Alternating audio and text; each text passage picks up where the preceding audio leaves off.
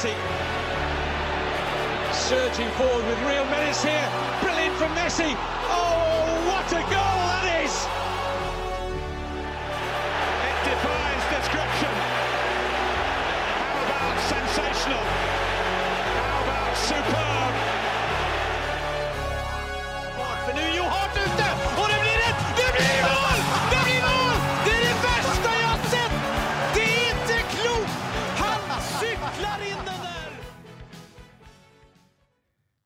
Ja, velkommen til episode 189 av den uh, wunderbare fotballpodkasten 90 minutter. Det er imponerende at du holdt det gående med, med alle disse adjektiva i 189 episoder.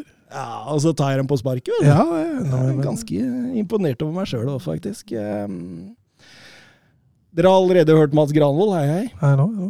Og i dag så har vi en uh, ja, ja, vi kaller deg prominent gjest. Uh, vi, vi, via Play-kommentator uh, Pål Thomas Clay. God dag, god dag. God dag, god dag. Veldig hyggelig at du kunne komme. Jo, er veldig hyggelig å bli invitert, da. Alltid gøy å være ønsket. Det, det er jo virkelig du, du kan bare ta mikrofonen, dra den nærmere, så Ja, du slipper å Ja, sånn. lene deg, her. Blir litt for avslappa hvis jeg tilbake. Um, ja, vi, vi kan jo bare begynne rett og slett på noen spørsmål. Det er fordi Finn Jørgen Halvorsen han lurer på hvordan kommentator i livet er, om det er noe å anbefale for unge, lovende fotballinteresserte? Ja, det må jeg Jeg kan jo ikke si noe annet. Det, er vel, det vil være å ljuge. Det er jo vanvittig gøy. Det er jo tenk, altså, det å sitte og se på fotball og få betalt for det, det er ganske Det er en OK deal, det, altså. Jeg må si det. men, men det er, men det er um, det, det er jo enkelte ting eh, du, du kan tenke på på veien, hvis du har tenkt til å begynne på den eh, veien. Jeg husker ikke hva han het. Eh, det var eh, Hva var det igjen, da? Det var Finn Jørgen. Finn Jørgen, ja. Mm. Hvis, hvis du har lyst til å, å bi deg ut på det, prøv å skaffe deg din egen stil, ditt eget særmerke, og ikke prøv å være noe andre. Du kan høre på andre og ta inn tips, men ikke, ikke prøv å være noe andre, for da blir det bare en dårlig kopi. Mm. Og så er det vel mer jobb enn mange tror. Ja, det er jo ikke bare å sette, uh, sette seg ned og kommentere, som regel. Uh, noen ganger så sitter det så til fingerspissene fordi du har holdt på så mye med det og så lenge med det at uh, eh, det går an. Men, eh, men det blir aller best hvis man er godt forberedt. Eh, og det kan man være alt fra fire timer til fire dager, nesten. Og så kommer det litt an på anledningen og, og type kamp og, og sånne ting. Men eh, men eh, rekorden min, eh, sånn den korteste forberedelsen jeg har hatt på en kamp en gang, var ti minutter. Ja. For da var jeg akkurat var, Jeg tror det var sånn Champions League-kveld hvor det var Jeg hadde en tidlig kamp, og så var jeg akkurat ferdig og pusta ut, og så hadde det skjedd et eller annet et eller annet sted. Så lurte de på om jeg kunne ta den kampen som begynte om ti minutter. Så ok, får jeg ta den, da. Så det, det går an. Eh, og så går an å, så finner man jo på noen triks underveis som gjør at man kan maskere sin uvitenhet også. Så det, men de gir jeg ikke bort sånn Nei, nei, det skjønner jeg. Men, men det var ikke Zenit som møtte Ferencvarios i den kampen du da kommenterte, eller? Det kunne det ha vært, faktisk. Altså, men men på, på, på, det tidspunktet hvor dette skjedde, så kunne jeg jo Zenit ganske godt. Okay. Faktisk, for jeg hadde gjort det en del ganger og, og sånt. Så, så ja, det, det altså, men Hvis du kan fire-fem spillere på ett lag, ikke sant? Så er du lagd. så, så, du, så kan du fokusere på det i starten. Og så, og så, og så er det jo, i hvert fall i min bok, da, eh, ikke fullt så interessant å bladlese statistikk underveis. Det, er mer, det handler mer om kampen, og så lenge du vet litt om noen av spillerne, så har du noen knagger å henge ting på. Mm. Og så, mm, og så er du i gang. Og så, så skal kampen i seg sjøl styre det meste av det du snakker om uansett. da. Mm. Men, men det eneste, jeg, eller det eneste, noe jeg merker, er når du får sånne prominente bilder på folk på tribunen, så hører man noen gang kommentatoren bli stille. For da, han veit jo ikke hvem det er. ikke sant? Mm. Og så neste gang han kommer i bildet, så har han funnet ut hvem det er. Er det sånn at du kan få litt hjelp fra utsida underveis, eller? Eh, nei, da enten så, så kan det hende at jeg eh, finner fram til det sjøl, eller så kan det hende at altså de gangene de kutter til sånne prominente personer på tribunen, er det fordi det er et brudd i spillet. Mm. Og da har du gjerne, da har du kanskje benyttet, allerede benyttet anledningen til å kikke ned i papirene eller okay, på den. PC-en du har med deg, så det er ikke sikkert at du ser det heller. Nei, ikke sant. Okay. Og Noen ganger så kan det hende at du Jeg tror det er, men så vet du ikke helt hvem det er, og så da holder du kjeft. Ja, ikke sant. Jeg har eksempel sett noen sånne gamle Eller sånn um, En av disse Premier League-dokumentarene, tror jeg. Og så har jeg sett altså jeg sitter og stirra på en fyr kjempelenge som snakker om Manchester United på 90-tallet. Hvem er det der? Det er jo noe kjent med. Mm. Så er det Gary Pallister, ikke sant? Ja, ja, ja. Men, men, men, men det er ikke så lett å se det Nei. nå.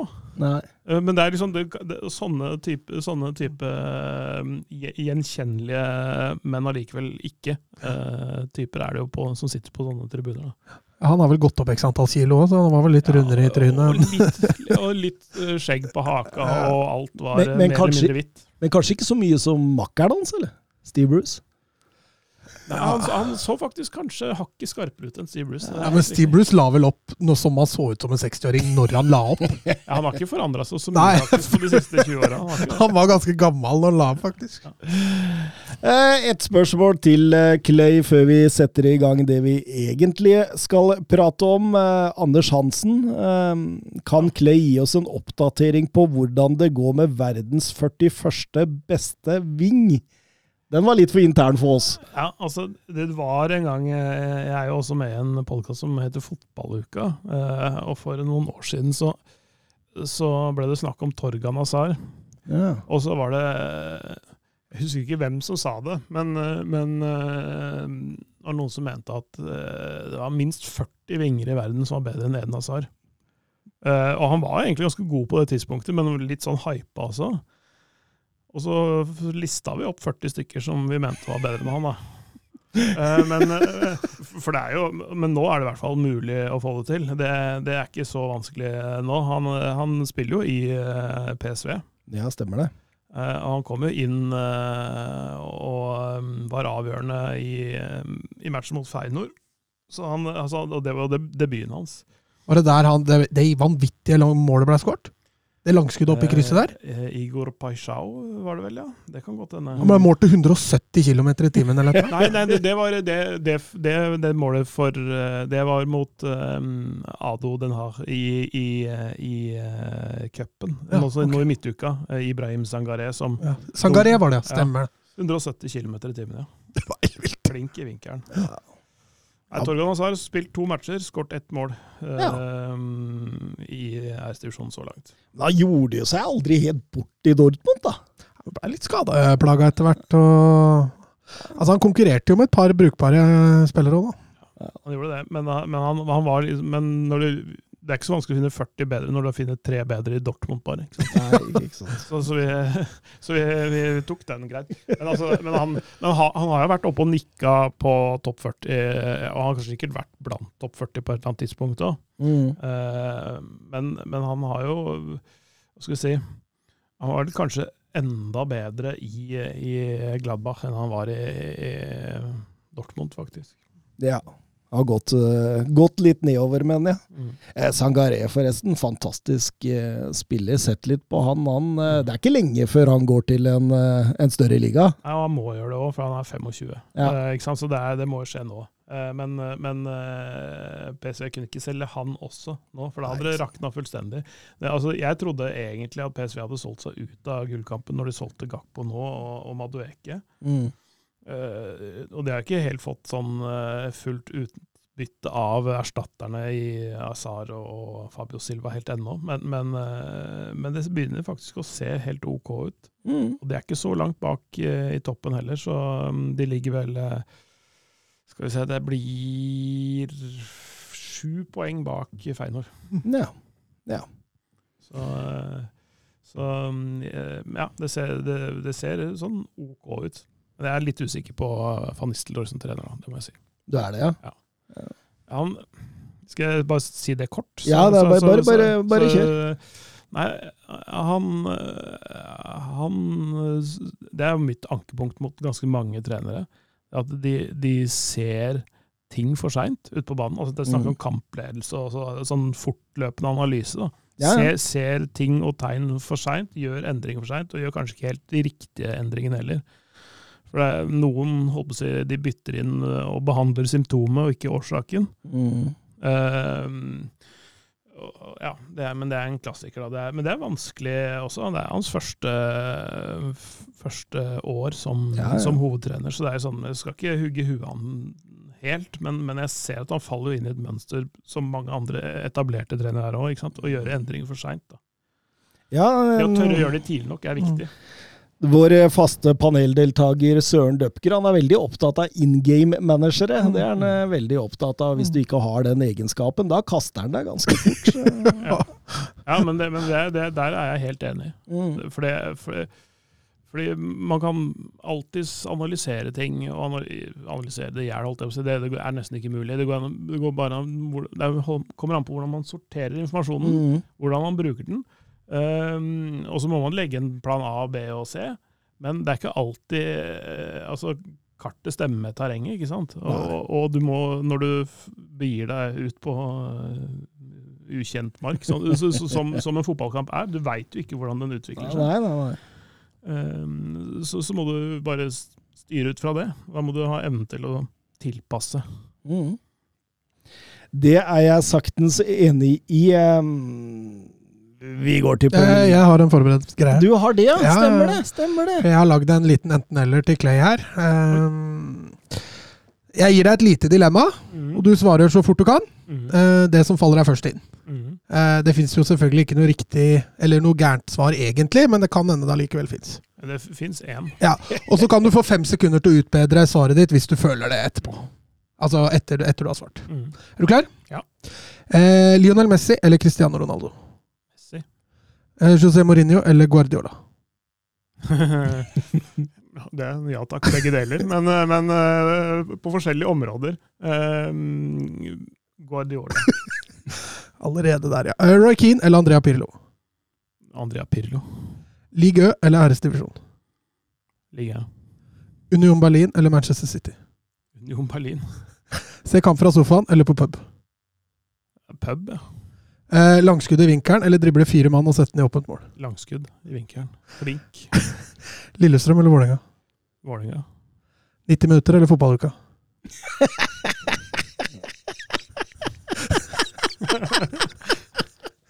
Ja, den eh, Når jeg er her, så er det 90 minutter. Den var stygg!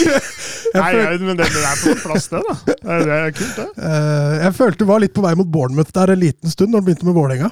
Ja. Eh, som Bournemouth mot Arsenal starta veldig bra, Mm. og så kunne det endt dårlig, men har redda seg fint inn på sluttene. Altså, men det, det har jo en historie, det, da. Altså, altså når du er strømling, Ja. så kan du ikke eh, Så er det jo, så er det jo mer eh, Så heller du jo mot Vålerenga og ikke mot Lillestrøm. Ja, da, jeg, helt, jeg, jeg er med på premissen. Og i hvert fall generasjonen din. Ja. Her er det mye hat mot uh, Sumpa nedi Men fattern var lillestrømling, så jeg, jeg hadde ikke noe valg. Jeg, har jo ikke det der, Jeg er ikke vokst opp med det på den måten, for ingen av foreldrene mine er derfra. Nei, ikke sant. Mm. Eh, Jeg har til og med boka som Tom Lund ga ut en gang på 80-tallet, som han signerte på Skjettensenteret. Ja. Den har jeg, har jeg hjemme et eller annet sted. Ligger riktignok på loftet, men, eh, men den fins et eller annet sted. Kan jo bli litt verdi i den etter hvert, da. Ja, kanskje. Ja, nei, det var det. Ja, men kult, det. Mm. Kult. Um, nei, men da, da kjører vi på Premier League.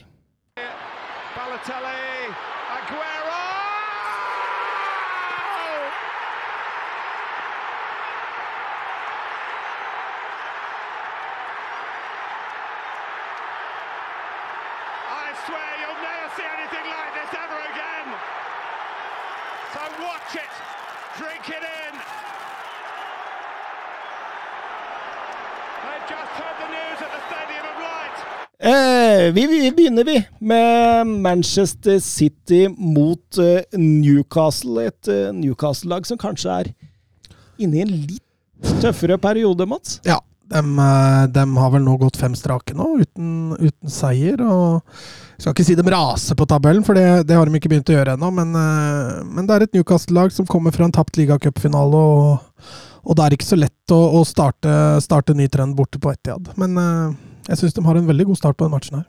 Mm. Mm. Men så Så det er er, det Phil Foden, da. Han tryller. Utrolig eh, spiller, altså. Ja, Foden er bra. Altså Den der dragninga han har før han runder sistemann her, det er, eh, Mm. Det er gøy å se han begynner å komme i form igjen. Hørte kommentatoren sa han hadde slitt med en ankel, og at det var grunnen til at han har slitt i det siste. Eh, City trenger Foden i form, altså. City trenger Foden i form. Jeg så, så eh, at Guardiola hadde vært ute og sagt at uh, du må slutte å du må slutte å, å skylde på begivenhetene. eh, På medspillere, motspillere, eh, manager, alt mulig. Du må bare rette deg opp og spille fotball. Mm. Eh, åpenbart vært et eller annet eh, rundt det der, der men eh, ser ut til å være tilbake nå, da. Ja, jeg syns han eh, blir bare bedre og bedre, og nå har han jo satt Mares på benken nå for, for å få i gang Foden, og det det tror jeg City kommer til å tjene på. Foden sitt toppnivå er høyere enn Marit sitt, og, og en Foden i form, det, det kommer City til å ha bruk for ti dager i uka. Men eh, en som ikke er helt i form, Kevin De Brøne. Eh, tror du det ligger noe sånn Hva kan du si? Eh, noe bak det der med at de ikke er verdens beste kompis med Pep for tida? Det er vanskelig å, vanskelig å si. det. Jeg tror han er såpass profesjonell. jeg. Altså, jeg tror ikke det, at det er det i seg sjøl, men jeg tror jeg mer det at han har det, altså, det er jo det er jo krevende å spille den typen fotball da, over så lang tid. og Han har jo vært, har nesten ikke hatt en dårlig kamp på mange år. Altså, sånn, det er veldig få av de. Nesten teller de på én hånd. Eh, og så, så, har- så han har jo bikka 30 eh, og litt, har han ikke det? Jo da. Eh, så, så, så han eh, så liksom må tillate deg liksom å ikke være på topp hele veien. Det er sånn, eh, det er begrensa hvor mange topp, topp, toppkamper du har i løpet av året. Du kan ikke spille alle 70 på samme nivå. Nei, men det, er, det er åpenbart at det er noe der, fordi en, en Pep ville aldri bytta ut Messi selv om han hadde en dårlig match. Uh, og det Brønne satt jo på benken. Da var han riktignok sjuk, var han ikke det? Mm. Uh, mot, uh, Jo, de jo. sa så. og så spilte han jo FA Cup-kampen borte mot Bristol, så han, han Det er et eller annet der som ikke er, er som det skal. Eh, Cancelo fikk jo, fikk jo smaker han og måtte dra, men eh, Nei, jeg savner jo selvfølgelig det Brønne i slag. Ja, du ser at han, han er i, ikke i sånn superbra form. Nei. Og, og, det, det, preger Manchester Citys angrepsspill. Eh, altså, eh, jeg, jeg syns jo i denne kampen at City sliter litt eh, med det at eh, de, de, de får ikke brukt overgangene, hvis du forstår. da. Når Mm. de får spilt av det første pressleddet, Mm. så syns jeg det på en måte stopper der hvor eh, Kevin De Brøne bruker å være katalysatoren, altså Mm. den nest siste eller siste pasningen inn. Eh, så, det, så det er et eller annet der som skurrer, altså. Ja, han, han mangler litt den siste kreativiteten der òg. Men, men du ser touchen også. Det er noen pasninger der han slår nesten helt umotivert bort. Og, eh, og, og, og rytmen offensivt for City utover i kampen. Jeg syns de starter bra. Tar kontroll over matchen. Uh, Newcastle prøver å sette høyt press, og så greier man å spille av det forholdsvis enkelt å begynne med. Eh, men det er som du sier, da, når de får vente opp i mellomrommet, så, så mangler det rytme. Det mangler presisjon. Og Det- det, det lider Haaland av. ja, Haaland selvfølgelig. Han må jo ha en forsyningslinje der, ellers så er jo han usynlig. Og, og utover i matchen så virker det som City bare begynner å slite mer og mer, også med å etablere spill på Newcastles banehalvdel. Og når Newcastle gjør de byttene sine, da, da tar de ordentlig fyr. Det gjør det. Og litt heldig at, eh, at målet kommer da ved Bernardo Silva 2-0 der, fordi eh, hvis de ikke hadde fått det, så kunne de ha tatt poeng igjen, altså. Dem, eh, Newcastle produserer jo noen ordentlige feite sjanser. der. Callum eh, Wilson bommer jo på ballen. Det er ikke noe i første omgang, men eh, Ja, Jo Linton. Og jo Linton bommer i andre omgang, bommer på ballen. Eh, burde stått i hvert fall én skåring til Newcastle på de to sjansene der, og da, da kunne det blitt litt mer stress. Men, men en fin skåring av Bernardo Silva. Bra oppbygd av City. Fint av involvering av Haaland. Feilvendt flikkeren til Silva der, som Og Silva ser skarpere ut enn De Bruyne, gjør det. Mm.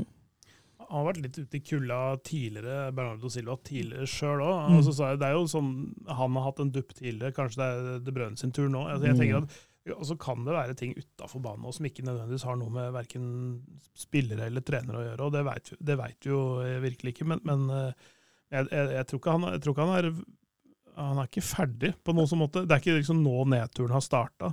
Det tror jeg ikke. Jeg tror fortsatt at han, han er ikke så avhengig av f.eks. farta i beina. Det er mer farta i huet. og det, Hvis du ikke er mentalt til stede, så, så går det treigere òg. Mm. Ja, nei, jeg tror ikke han er ferdig, jeg heller. På ingen måte. Men, men det er litt sånn Hvis det er motivasjonen det er noe gærent med, da, da, da blir veien Da tung, det noe lys. Da blir det tung Ja. vei, altså, for å Ja. tilbake igjen.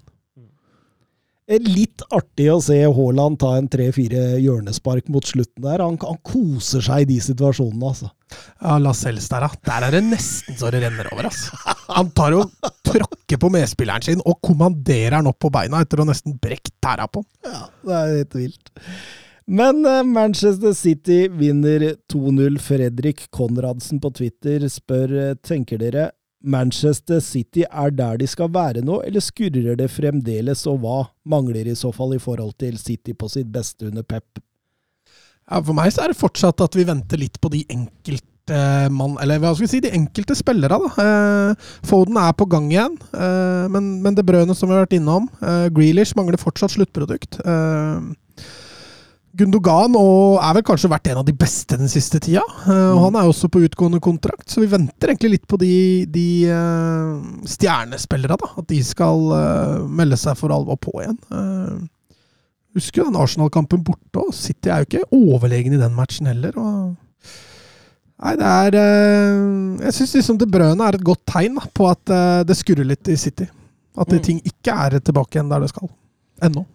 Absolutt. Og jeg tenker jo i forhold til Manchester City på sitt beste under Pep, det er jo et nivå som er Altså, det er ikke så lett å holde seg der over mange år.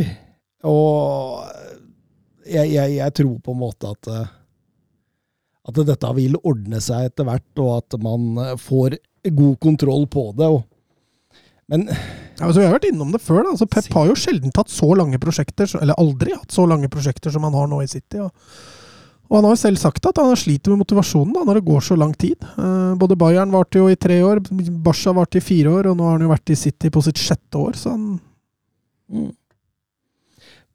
Fredrik Stjerna. eh, Fem strake i Premier League uten seier for Newcastle nå. Er de ferdig i kampen opp topp fire? Er de det, Clay?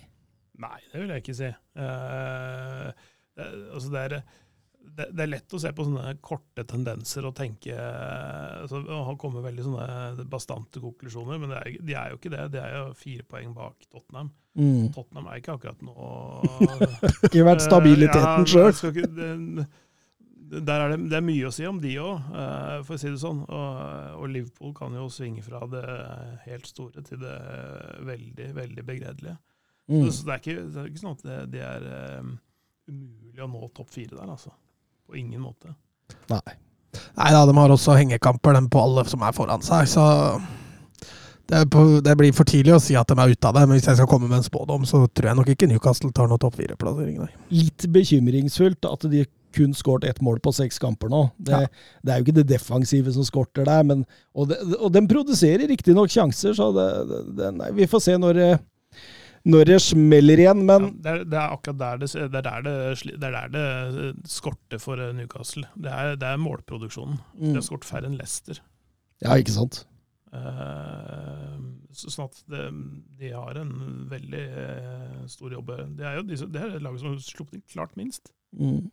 Ja, de er, de er solide bakover. Nick Pope der og den der Ja. nye stopperduoen Båtmann og Skjær. Uh, Mm. Hvem skulle tro at Skjær skulle noen gang få noe 17 mål innslupne på 24 kamper er bra. Det er solid. Det er solid i Premier League. Mm.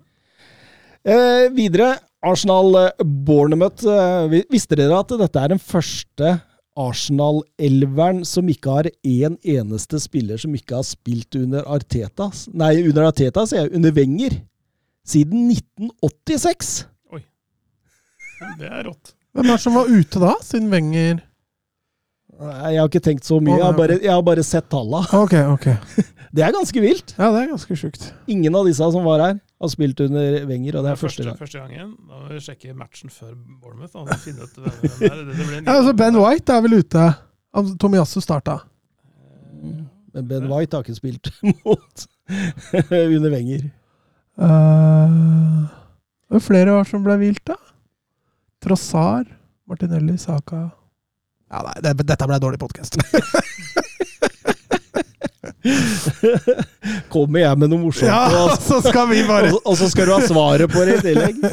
Det men må ha vært Sjaka eller Party. Det er det eneste. Ja, Chaka er jo selvfølgelig. Ja. Granit Chaka er det. Granit Sjaka er det selvfølgelig. Ehm, selvfølgelig enorme favoritter, men det tar 9,1 sekunder før eh, ballen sitter i, i nota der, Mats. Ja, og det er andre gang Bornemouth eh, tar opp et avsparktrekk. Eh, veldig artig å se når man faktisk er liner dem opp fem-seks mann på ene sida av banen, og Arsenal flytter hele laget sitt over. Eh, og vips, så spiller den ballen ut høyre, og, Arsenal må sideforskyve noe voldsomt. Eh, det gjør at, eh, at Zinchenko tør ikke å gå i press, for han har ikke sikring. Og da bare faller og faller og faller. At den til slutt ender opp hos Billing, det er nok tilfeldig. Men, men trekk i seg sjøl, det er klart det er innøvd. Jeg hørte Roar Stokker spurte seg sjøl om dette var øvd på fra før, men det er klart det er det. Mm. Dette har de tegna på tavla. Sånt er kjempegøy. Ja. Altså, det, det er sånn der man husker liksom fra altså, de som leste Boing i sin tid. Eh, sånne der rare frisparktrekk og av, altså, sånne, der, sånne ting som man virkelig ikke ser i det hele tatt i egentlig moderne fotball, for alt skal liksom være så eh, avansert. Ja. Det er jo så grunnleggende morsomt, Mm. og eh, altså, bruker litt psykologi i det òg. Mm. Nettopp det der med at du måker alle spillerne over på én side. Alle de andre flytter seg etter. Mm. Spiller du motsatt, og så løper de tilbake igjen, og så Mm. står det igjen noen folk da, som er helt umarkerte.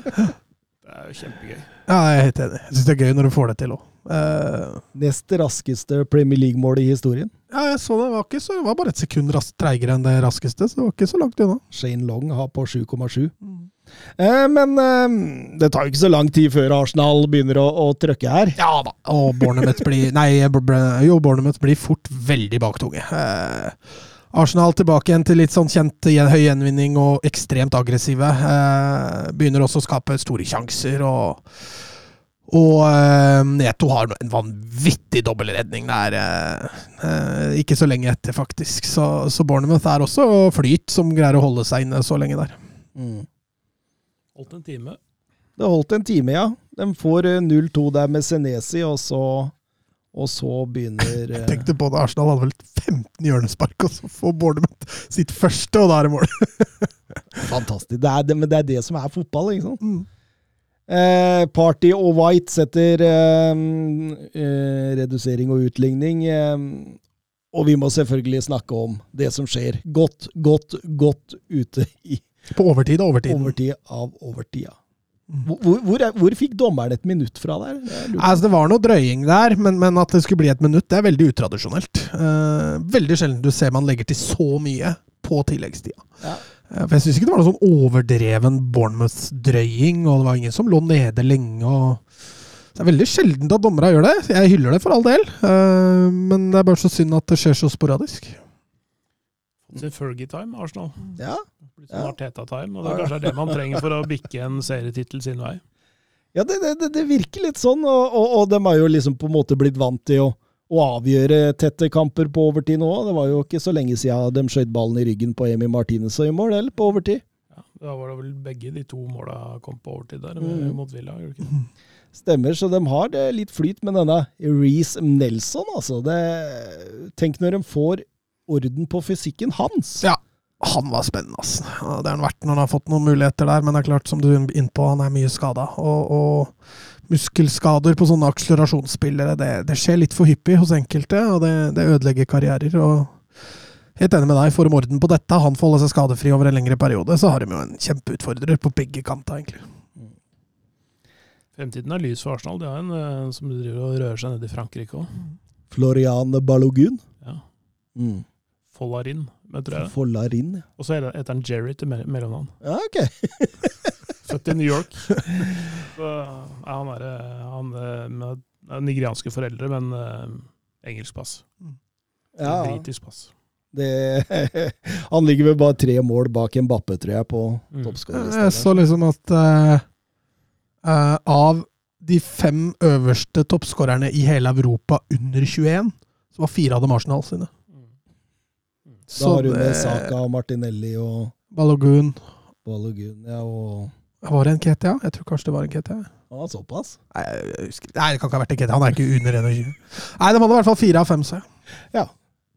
Nå tok jeg igjen, merker du det. ja, men, det er helt greit. Eh, Bernt Olav Gjellegjerde Hansen spør eh, Arsenal har såpass flyt om dagen at det må minst være 75-25 nå, Thomas. Har drevet og sagt at det er 80-20, skjønner du, til, eh, til City mot Arsenal i gullkampen. Ja. Eh, men, men jeg skal jo innrømme det at det, at det, det er en viss flyt der nå, samtidig som de viser en moral da, og kjemper til slutt, som er eh, ganske imponerende. Altså, Kani West han ga ikke opp Rockefeller Records han, uh, når han fikk et nei, og det, det gjør virkelig ikke Arsenal heller. Altså, de, de, kjører på til siste uh, Minner meg litt om Leicester sin gullsesong, egentlig. At man tror hele veien at mm. noen skal ta dem igjen, men Eh, med litt flyt, og det kan se mørkt ut i enkelte kamper, men man snur det til slutt. Så ja, jeg skal være raus og si 75-25. Vingler du? Altså, jeg, jeg, tror heller egentlig ikke at det holder, hvis det er noen, noen som lurer på det. Eh, fordi altså, stallen er litt for tynn. Mm. Altså, altså den, der, den, første elveren helt skadefri. Altså helt, helt skadefri. Da er den OK. Ja. Men, men, med en gang det begynner å øh, og, det, og, nå kommer vi til det som vi kaller business end av sesongen. og kommer skadene og kommer suspensjonene og sånne ting. Det kan bli tungt, altså.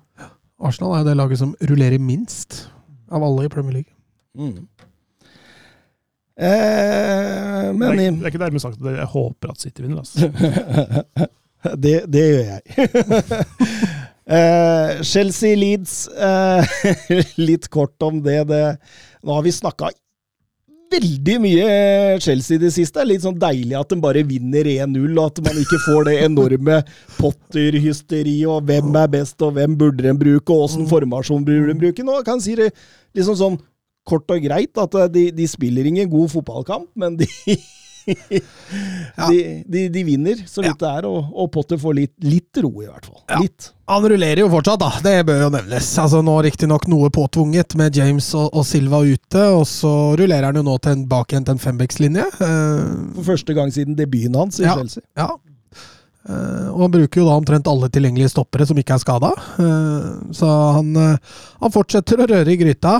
som du sier, ikke veldig imponerende match. Skårer på en dødball. Uh, Leeds kunne fort hatt en skåring der, så det kunne fortsatt ha vært litt tysteri. Men han får i hvert fall nå en rolig uke, eller en halvuke, i hvert fall fram til Dortmund. Ja, for det er vel du allerede på her i morgen? Eller? Det er i morgen.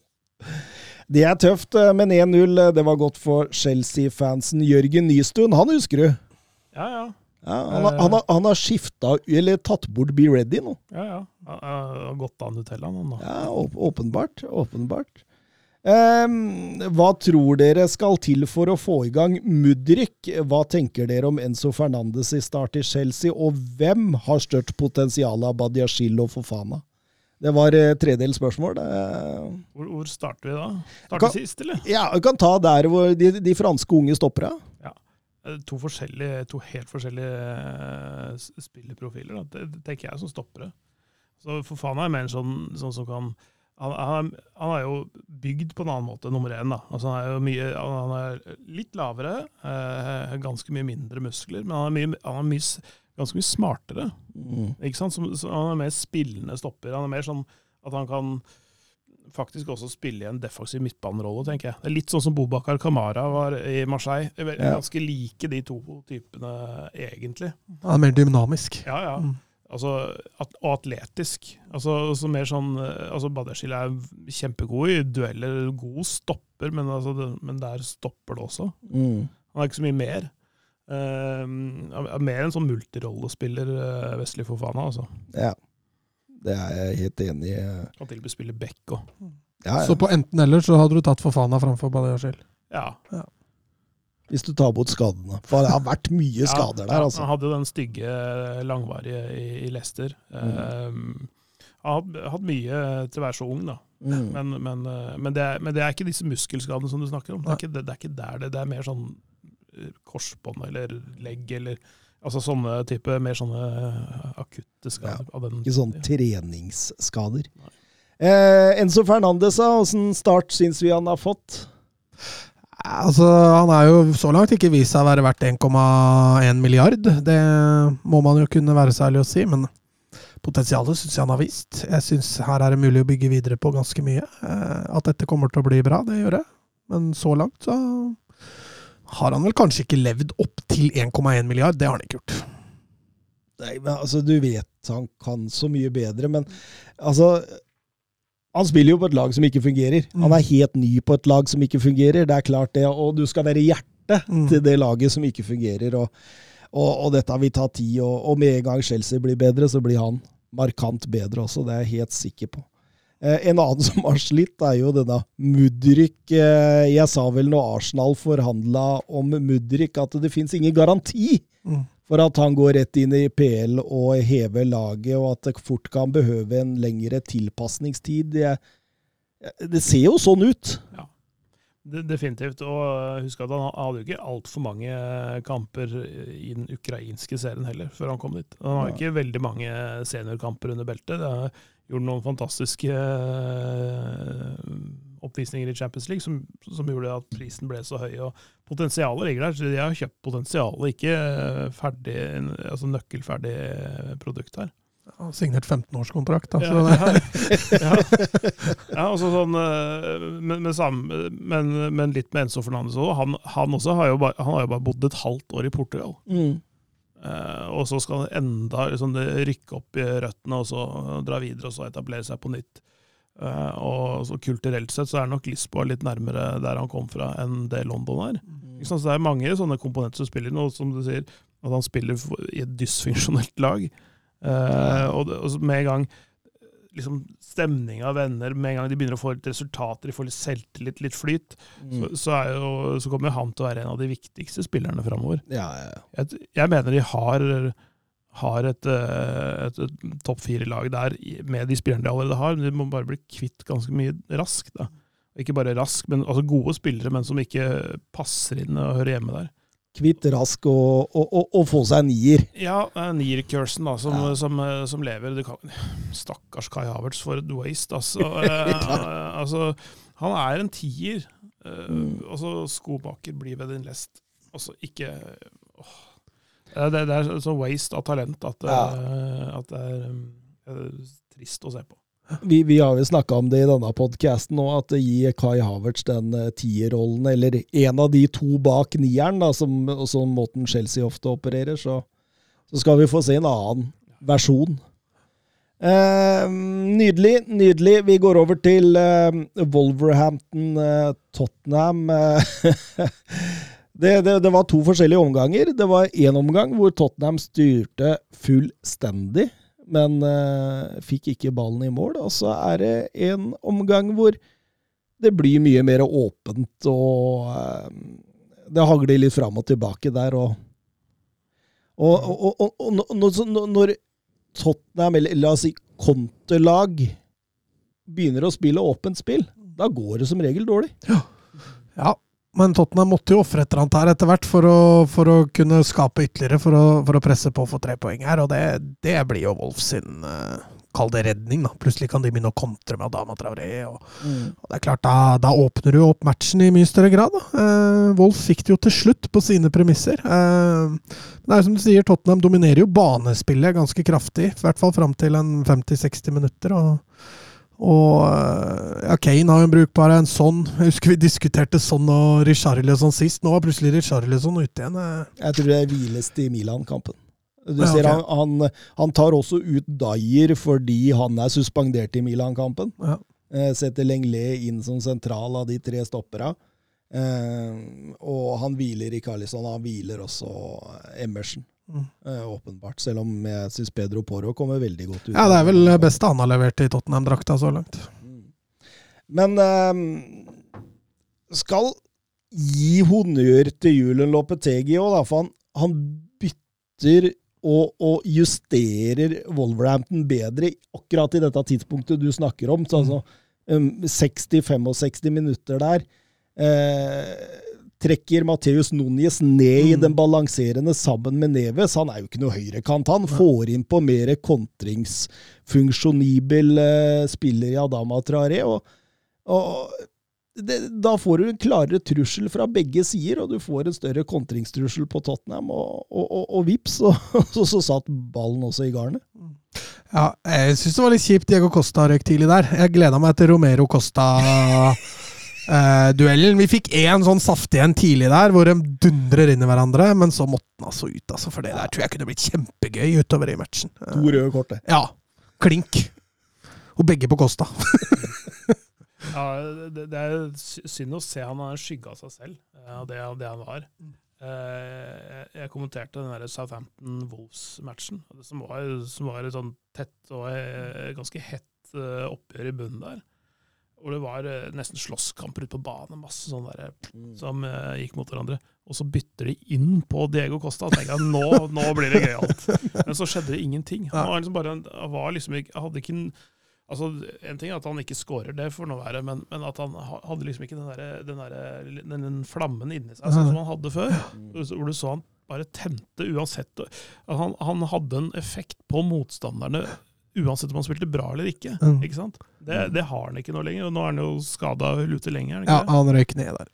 Ja, da er det egentlig takk og farvel, fordi han er såpass gammel at han kommer ikke tilbake da.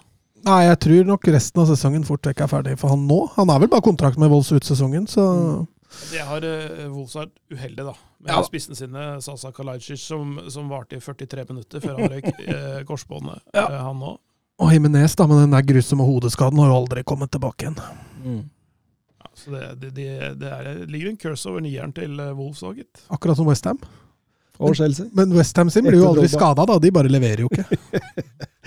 Jeg skrev vel på Twitter etter kampen slike kamper kommer til stadighet for Tottenham nå. Det sier meg at de ikke har kommet noe vei siden Pochettino. Det, det, er, det, er- det, er, det er litt sånn at du, du Altså, man slår City og Chelsea, og så taper man mot Sheffield United og, og, um, og Wolverhampton. Fader, tapte jo mot Sheffield òg. Ja, ja. Grusom uke. Grusom uke. Forferdelig uke. Og, og Petter Martin Støvland spør har Tottenham stallen til å ri to-tre hester samtidig. Eh, åpenbart ikke. Eh, har jo vist det nå denne sesongen. Men altså, stallen eh, Jo da, de kunne sikkert kommet langt i en cup. Eh, men det kommer jo an på hvordan du prioriterer. da. Du så jo liksom Sheffield United òg. Det, det var liksom litt rullering der. og så skal de plutselig rullere på Wolf for å kunne komme inn i Milan-matchen. Og, og da viser man jo at nei, man har ikke den stallen til å kunne gjøre de rulleringene for å være med på alt. Men jeg er 100% sikker på at de tar Milan nå. Og du går så hardt ut, ja. Mm.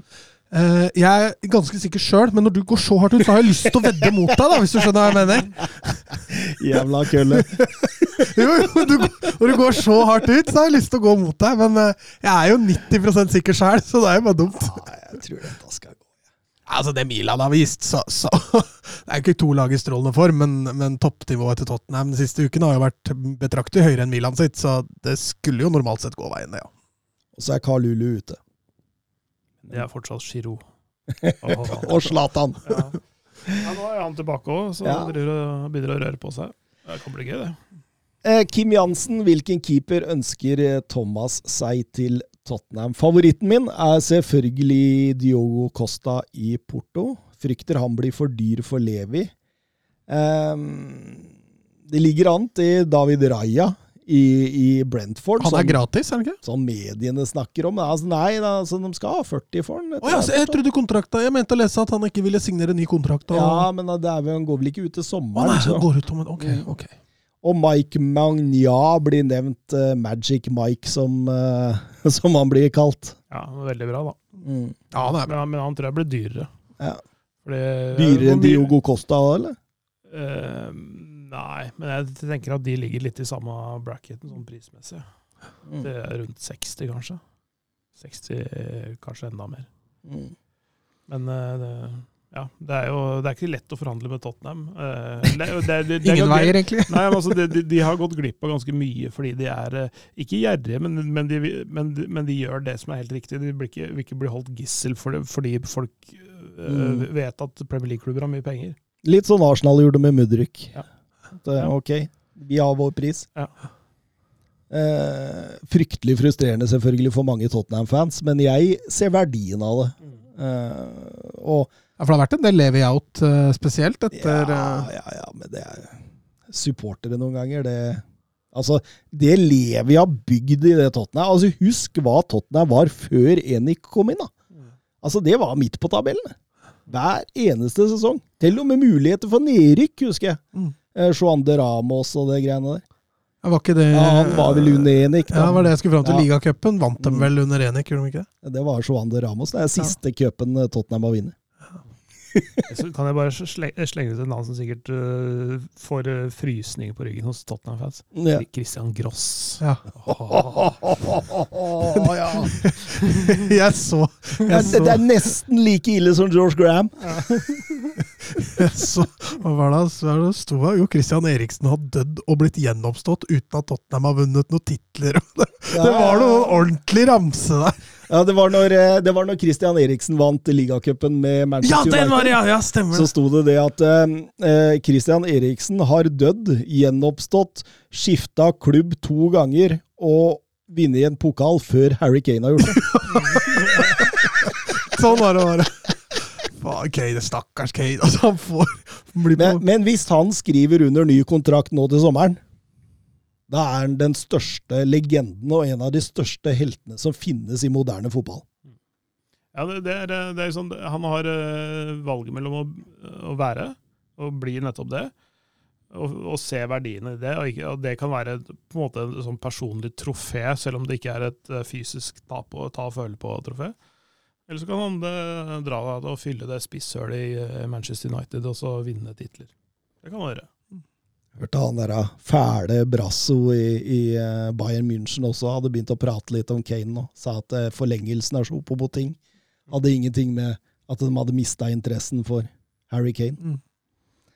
Off, det blir en stygg sommer for eh, Tottenham-fans. Vi går over til um, Liverpool, Manchester United, og Alex Bjørkan han sier eh, For de som ikke fikk sett denne kampen, hva i all verden skjedde, og er det grunn til bekymring for United-fansen? En ripe i lakken, og Er det bekymringer her? Nei, eh, nei altså det, det, er, det er selvfølgelig en sånn En, eh, en sånn Kall det en skamplett, da. På, eh, på, på Manchester United, dette her. Men, men, det, men det er en one-off, da.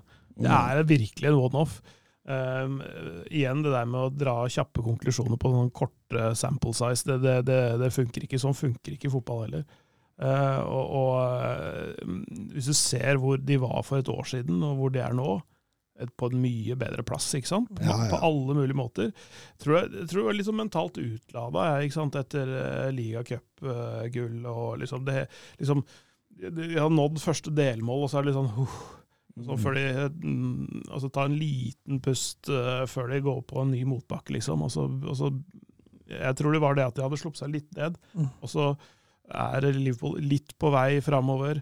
Uh, de fikk endelig Gakpo til å funke i den trioen uh, Mm. foran der. Så ble det sånn, der, sånn perfect storm, da.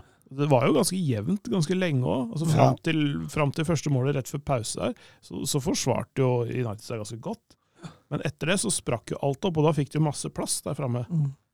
Jeg tror i hvert fall den rakninga kan tilskrives et ligacuptrofé helga før, fordi eh, det, altså, Du så lufta gikk ut av United på 3-0. Ja. Altså, De slutta å ta returløp, gikk ikke inn i dueller lenger. Hver, altså, Duellene spilte ikke noen rolle, om du vant eller tapte. Det var egentlig bare Casemiro som offra, og til dels Martinez som ofra liv og helse. Men altså, når Sala de gutta får rom, vet du, det er klart. Selv en Sala ut av form herjer jo, ikke sant. Deilig den 4-0-skåringa, hvor han bare eh, tverrvender og klinker ballen i tverrliggeren. Ja, ja, Det- det er deilig. Men, men, se- men se på nesten alle skåringene. De, Mm. de, er- de Manchester United-spillerne er jo eh, minst en meter unna den som Mm. avslutter. Mm. Hver eneste gang. Altså, Kanskje bortsett fra Firmino sin, hvor han har en i ryggen og tverrvender der. Ja. Men eh, Men at det skulle bli 7-0! Altså, det er jo det er, altså, altså, De fillerister jo Manchester United her. Altså, de vinner jo alt av dueller, alt av annenballer. De, kommer, de kjører dem så voldsomt at det Altså, det Ja, det var ikke veldig mye fair play, det der. Det er jeg helt enig i. Liverpool kunne roa det litt. Ja. Og jeg, og jeg, jeg satt underveis og tenkte det, det er faktisk bare Manchester United som kunne få Liverpool til å bli så gode den dagen der. Altså, et hvilket som helst vanlig lag så hadde han stoppa på 2-0. Mm. Men uh, her kjørte man på. Man var, det, det var som et såra dyr da, som, som bare eksploderte. Og du så plutselig, da, spillere som vi har kritisert gjennom lange tider, eh, så, så ut som de var tilbake i den uh, kloppfotballen man husker delvis fra, fra forrige sesong og sånt. og det, det var en sånn frigjøring av energi der. og Og, og når, når, du legger det sammen med den komistunden de har baki der, altså Martinez eh, Jeg har sett folk diskutere han som en av Premier Leagues beste stoppere allerede, men eh, han viste ikke det der. Nei, men han var en av de som var eh, gode hos United fram til de, mm. fram til de skårte. Ja, fram til de skårte. Eller faktisk litt etter òg, men, men jeg, det jeg sitter igjen med, er som du, som du, sier, egentlig de der som kommer tilbake igjen, og som var der de en gang var. altså så Fabinho var mm. jækla god i den kampen der. Og han, han starta, Jeg har jo forsvart ham når folk har sagt at han er ferdig og sånn. Overhodet ikke ferdig, men han har nesten ikke gjort en dårlig kamp på fem år, han. Nei. Før nå i vinter, da. Ikke sant? Uh, så han, han, er ikke en sånn som har lost his legs, som man ofte sier om en midtbanespiller som har løpt seg ferdig i karrieren. Han, han, er ikke der i det hele tatt. Det handler mye mer om at han er sliten i huet, tror jeg. Mm. Uh, uh, morsomt at Harvey Elliot spiller fra mm. start og er en viktig del av laget. At, at de tør å satse der. sånn. De trenger no, noe annet inn i den miksen der. Da, ja, ja. Han var, han var strålende i går. Fin Martinez der når Salah begynner med Martinez var nede på gresset der, opp igjen og feil vei, og plutselig sto han med ryggen til.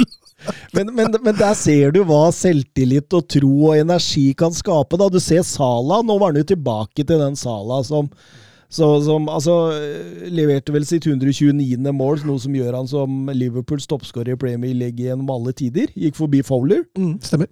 Eh, så, og, og, selv han ser bra ut. da, Vi har kritisert den i øst og vest denne sesongen, men, men altså, jeg, jeg, det, er, det, er, enkelte ting jeg ikke forstår med Ten Hag og Manchester United der. og Nummer én, det er hvorfor plukker du ikke av Antony når han ikke gidder å følge Robertson? Mm hver eneste gang. Altså, dette begynte ikke på 3 og 4-0, dette begynte på 0-0 og 1-0. Mm. Jeg, jeg, jeg, satt hjemme og så tenkte jeg Legger Ten Hag opp til en ekstra kontringsspiller? Altså, en skal jukse?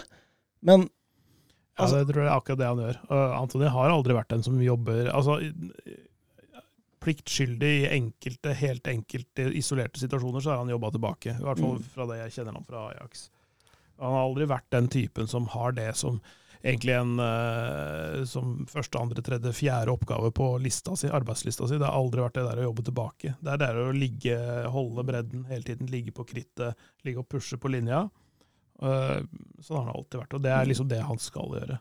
Ja, og, og, da ser du i sånne kamper så fungerer han ikke, da. Mm. Samme med Bruno Fernandes, hvordan han driver på. Altså, vi har fått eh, vi, vi, vi, vi, kan jo bare Jeg gidder ikke å nevne alle, men en haug av spørsmål rundt Bruno Fernandes, oppførselen hans, åssen går det an å ha en sånn type kaptein? Eh, han, han, går jo ute på matta der og klager og sutrer og gidder ikke å ta jobben gjennom hele annenomgangen der. Men er ikke sånn han alltid er? er det, ja, men helt seriøst, men det ser jo ikke så stygt ut når laget ditt vinner og vinner og vinner. Men kroppsspråket til Bruno Fernandes er jo aldri veldig positivt. Eh, på fotball-TV i dag så sa eh, Frode Lia. Det er litt portugisisk. Jeg, jeg, jeg, så det litt i Ruben Neves òg, mot Tottenham. At det er litt av det samme. Er det lynne til det, det, kan godt hende. Eh, jeg skal ikke bli helt eh, xenofobisk her, men, sånn, men, men, at det er en, litt, det er en liten kulturforskjell. Altså jeg skjønner jo for lov til at Roy Keane uh, Ja, det er kulturkrasj, det. Uh, at han kritiserer kroppsspråket hans, for sånn ville ikke han sjøl gjort. Uh, men, men, å skjære alle portugisere over en kam, det, det, det, blir, det blir feil, syns jeg, da. men at han at han i går ikke var noe, var ikke noe smykke av en prestasjon. Det er helt klart. Uh, han kunne helt klart oppført seg mer som en kaptein. Og så være, Det handler om å heve seg over ting. Én uh, ting er å bli følelsesmessig involvert, og sånne ting, men du, altså, du har, har, rikelig med anledning til å telle til ti der. Uh, blant annet ved sju avspark. han kunne gjort det. Åtte, da, hvis du tar med pausen. ja, sant? Så, så, så han, han, burde besinna seg, altså opptrådt bedre. Klart det, men, men, men allikevel en dårlig dag på jobben. Du kan skjønne at du er litt skuffa også. Mm. Uh, igjen en av disse som har spilt veldig bra over lang, lang tid. da. Mm. Uh, men at han slipper unna å slå dommeren der, ja, det, det syns jeg er veldig spesielt. Ja, det, altså. det syns jeg også er rart. Det, det kan hende at hvis de ikke har notert seg det, så kan det hende at det kan straffes i ettertid, vil jeg tro. Ja. Eller, eller, at de ser det som en del av, altså, situasjonen, at de, de ikke ser så alvorlig på det.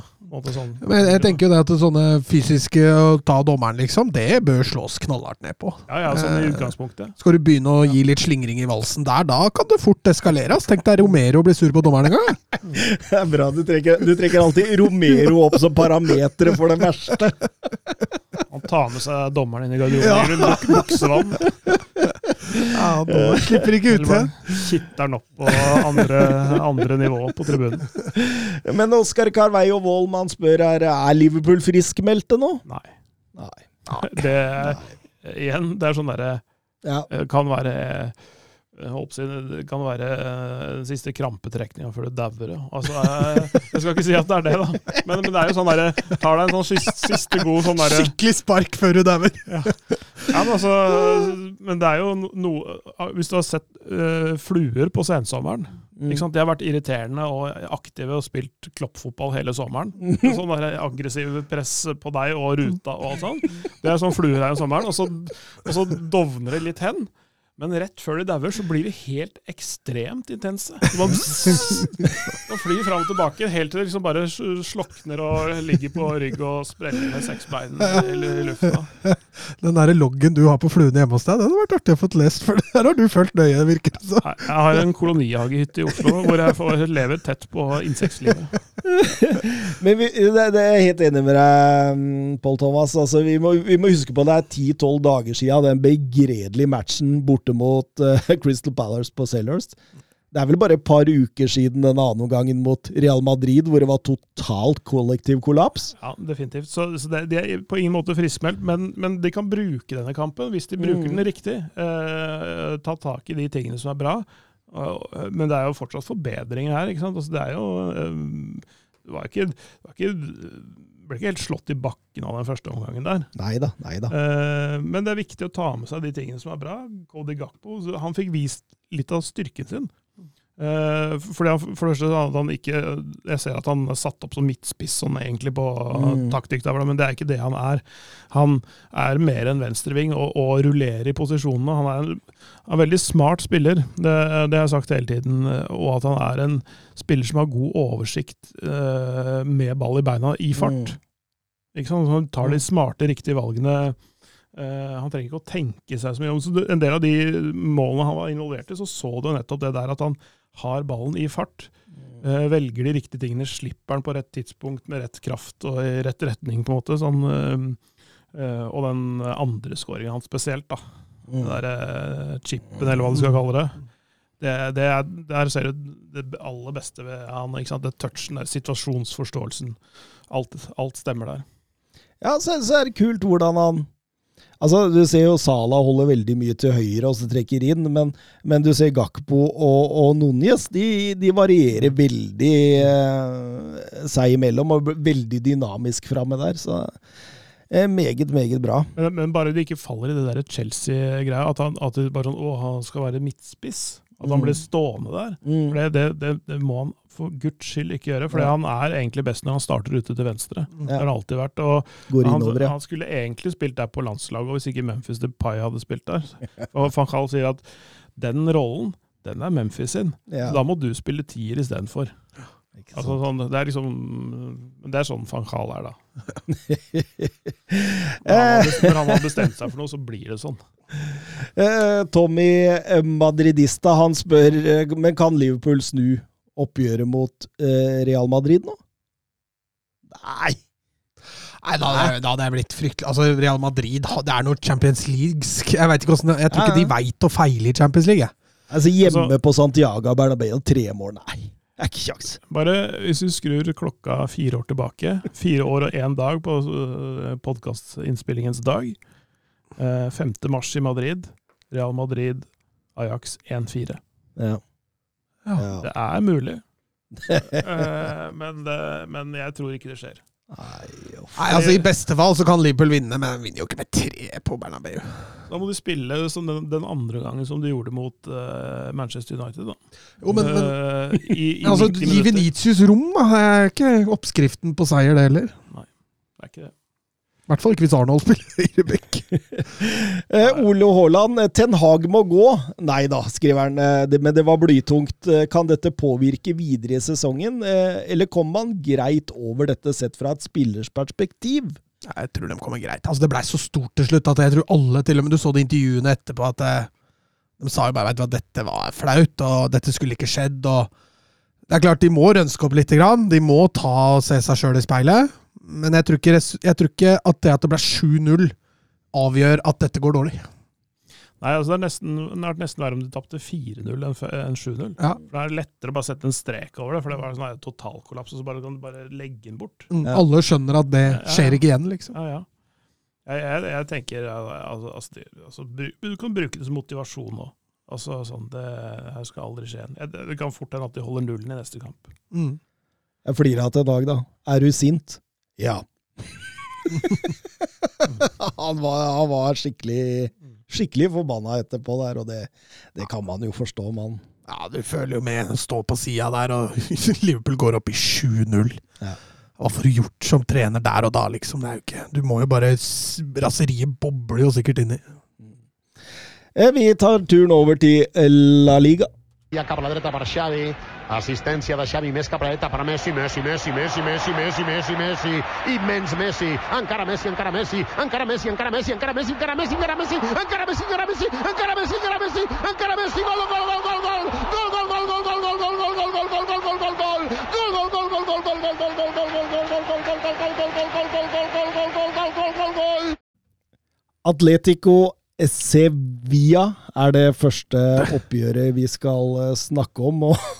Vi gjør unna godbiten først, ja.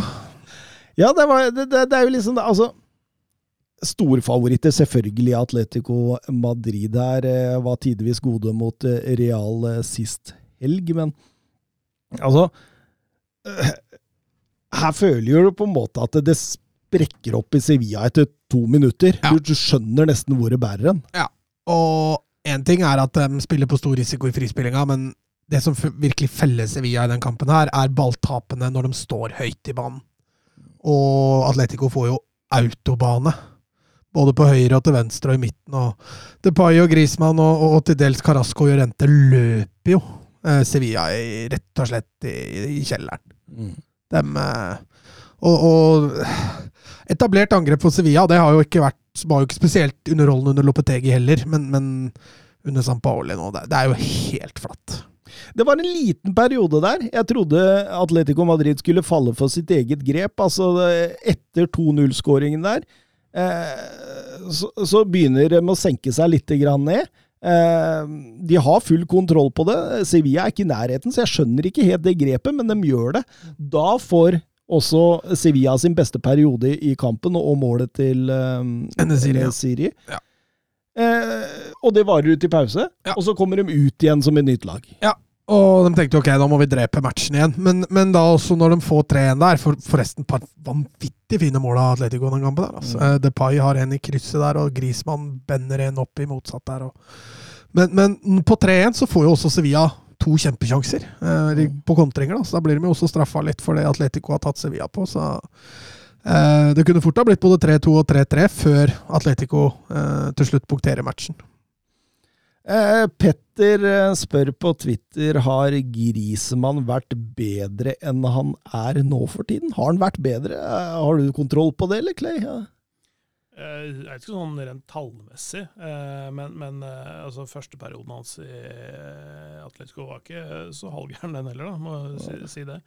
Eh, Uten at jeg sitter med jeg, jeg er ikke Petter Wæland, så jeg har ikke Excel-arkene hans eh, her. Hvor mange han har på eh, innsiden og utsiden av stolpen osv. Men, men, eh, men han begynner jo å liksom komme tilbake, i hvert fall, til der han var. Og, Han passerer øyetesten nå. ja, ja, absolutt. Jeg, og jeg, sånn, sånn som jeg ser det, sånn, Atletico har jo slitt lenge, og man har snakket lenge om Simione og, og hans, om han kanskje burde eh, finne på noe nytt. Og, og det har vært godt for laget osv. Men det, jeg, jeg tenker at hvis han er evnen til å eh, ikke finne opp seg sjøl på nytt, men også gjøre endringer, sånn at han får noe, noe, noe friskt blod inn i laget, eh, ikke nødvendigvis spillemessig, men gjøre ting på en litt annen måte. Mm. Så gi seg sjøl noen utfordringer taktisk, eller et eller annet. Finne en, et nytt prosjekt innad i, i, det, Ja, ja. i det laget, den klubben. Eh, så kan det være, Og det ser jo ut som det er litt sånn på vei dit nå, da, tenker jeg. Mm. Eh, begynner å få eh, sånn eh, Altså Thomas LeMar til å tikke og gå litt, grann, og Memphis Depay til å funke, som er liksom, to år siden han spilte bra, egentlig. ja. Grismann til å Det er jo greit å ha han fra start, og ikke fra 60 minutter og ut, f.eks. Altså sånn Til og med Morata kommer inn og gjør to her. Ja, og Carasco også. Altså vært, eh, hatt noen middelmådige år. Mm. Eh, men altså, det, det virker jo som om det er litt, litt mer eh, på gang nå, altså i, i litt ny drakt, da. Mm. Så det er litt sånn typisk også nå, at de går mot Girona borte neste gang, og så blir det 0-0, eller noe sånt Vi, vi, har, vi har jo sittet sånn og tenkt det ofte, Ja. at ok, nå så vi noe nytt, og så Ja, nei, det er, det er vanskelig å si, men ehm, men, men, jeg, jeg syns uh, Atletico gjør det bra her. Sevilla viser jo seg fra sin verste side nok en gang, og, og uh, pådrar seg nok et rødt kort. Ja, de fullfører jo aldri en kamp med de elleve mann. Det er blitt en forferdelig dårlig trend. Uh, altså det, nå, er, nå er nesten unntaket at de fullfører med elleve, enn Ja. å fullføre med ti. Sampaioli, han, uh, Altså det, men altså, dette er jo han er jo med i kakebua noen ganger, han, så Men det er, det er sånne ting som gjør at man til slutt rykker ned. Eh, lag som, som dis, faller i disse fellene. Nå har jo ikke målforskjellen noe å si i Spania, men, men dette, er ikke, dette, er, dette er ikke bra. Så nå har vi friskmeldt Sevilla, og vi har sagt de holder seg, og det, det tror jeg fortsatt. Men eh, trenden de har vist nå over lang tid med dette med å fullføre med ti mann, det, det, det er et dårlig tegn. Fryktelig dårlig tegn. Eivind Stølen spør om Diego Simione har gjort det meste rett eh, det siste tiden. De skårer mål. Depay, Carasco, Grismann, alle på vei oppover. Sampaioli sank lenger og lenger ned i boblejakka si etter hvert, eh, eller sier lørdagens match mest om Sevilla. Jeg, vil- jo anta det siste! Ja, jeg også. Eh, Jeg tror Atletico på en sånn dag hadde slått veldig mange lag. Ingen tvil om det, men, men måten Sevilla gir Atletico nærmest to-tre mål der, det Altså, Elche, til og med Elche drar jo ikke dit og gir bort de romma, liksom. Så her er Sevilla sin verste fiende, definitivt. Så er det verdt å nevne Grismann etter skåringa løper rett bort til Simione Mm. eh, og gir en eh, klem. Så åpenbart at forholdet Grismann-Simione er på vei opp og fram. Ja, absolutt. Det var vel hans eh, 150. mål i Atletico også. Tredjeplass i klubbens Hall of Fame-historie over toppskårer, bak Louis eh, Aragones, faktisk, på 172, og Adrian Escudero på 169. Så det er, det, det er kort vei opp til å bli eh, en skikkelig, skikkelig Atletico Madrid-legende for Antoine Griezmann. Når var det sist de skåret seks mål, da? ja, jeg tenkte på det samme. Det er før Simiones tid. Jeg så de hadde en eh, 5-0-seier mot Cádiz eller et eller annet sånt i serien for nesten to år siden, men, men eh, sist de skåret seks altså, Det tror jeg er ganske lenge siden. Mm, det tror jeg òg. Jeg, jeg husker jeg tenkte på om jeg skulle finne det ut av, så gadd jeg ikke. Men eh, det, det, det, er, det er Ja, du. Fant det, fant det at nå klikka langt nok tilbake. Ja. 27. september 2020 Ja. så vant de 6-1 mot Granada. Ja, okay. Det er bare tre år siden. ja. To, to, to og et halvt. Totalt, ja. Ja. ja, det er vel andre klubber som faktisk går lengre tid mellom hver gang de scorer seks. Det, Da, da spilte de 0-0 mot, bort mot Uesca tre dager etterpå. ja. Og det er jo det som kan skje her, ikke sant? Det er det som kan skje her. Um, vi går videre til Barcelona mot uh, Valencia. Em, Barcelona ut av Europa League tapte sist helg mot Almeria, før de slo Real Madrid igjen i, i Copa del Rey. Vi snakker om svingninger i Tottenham, Mats, men det er jammen. Ja, men det er artig å se den der linken Real Madrid-Barcelona. Eh, Liverpool United.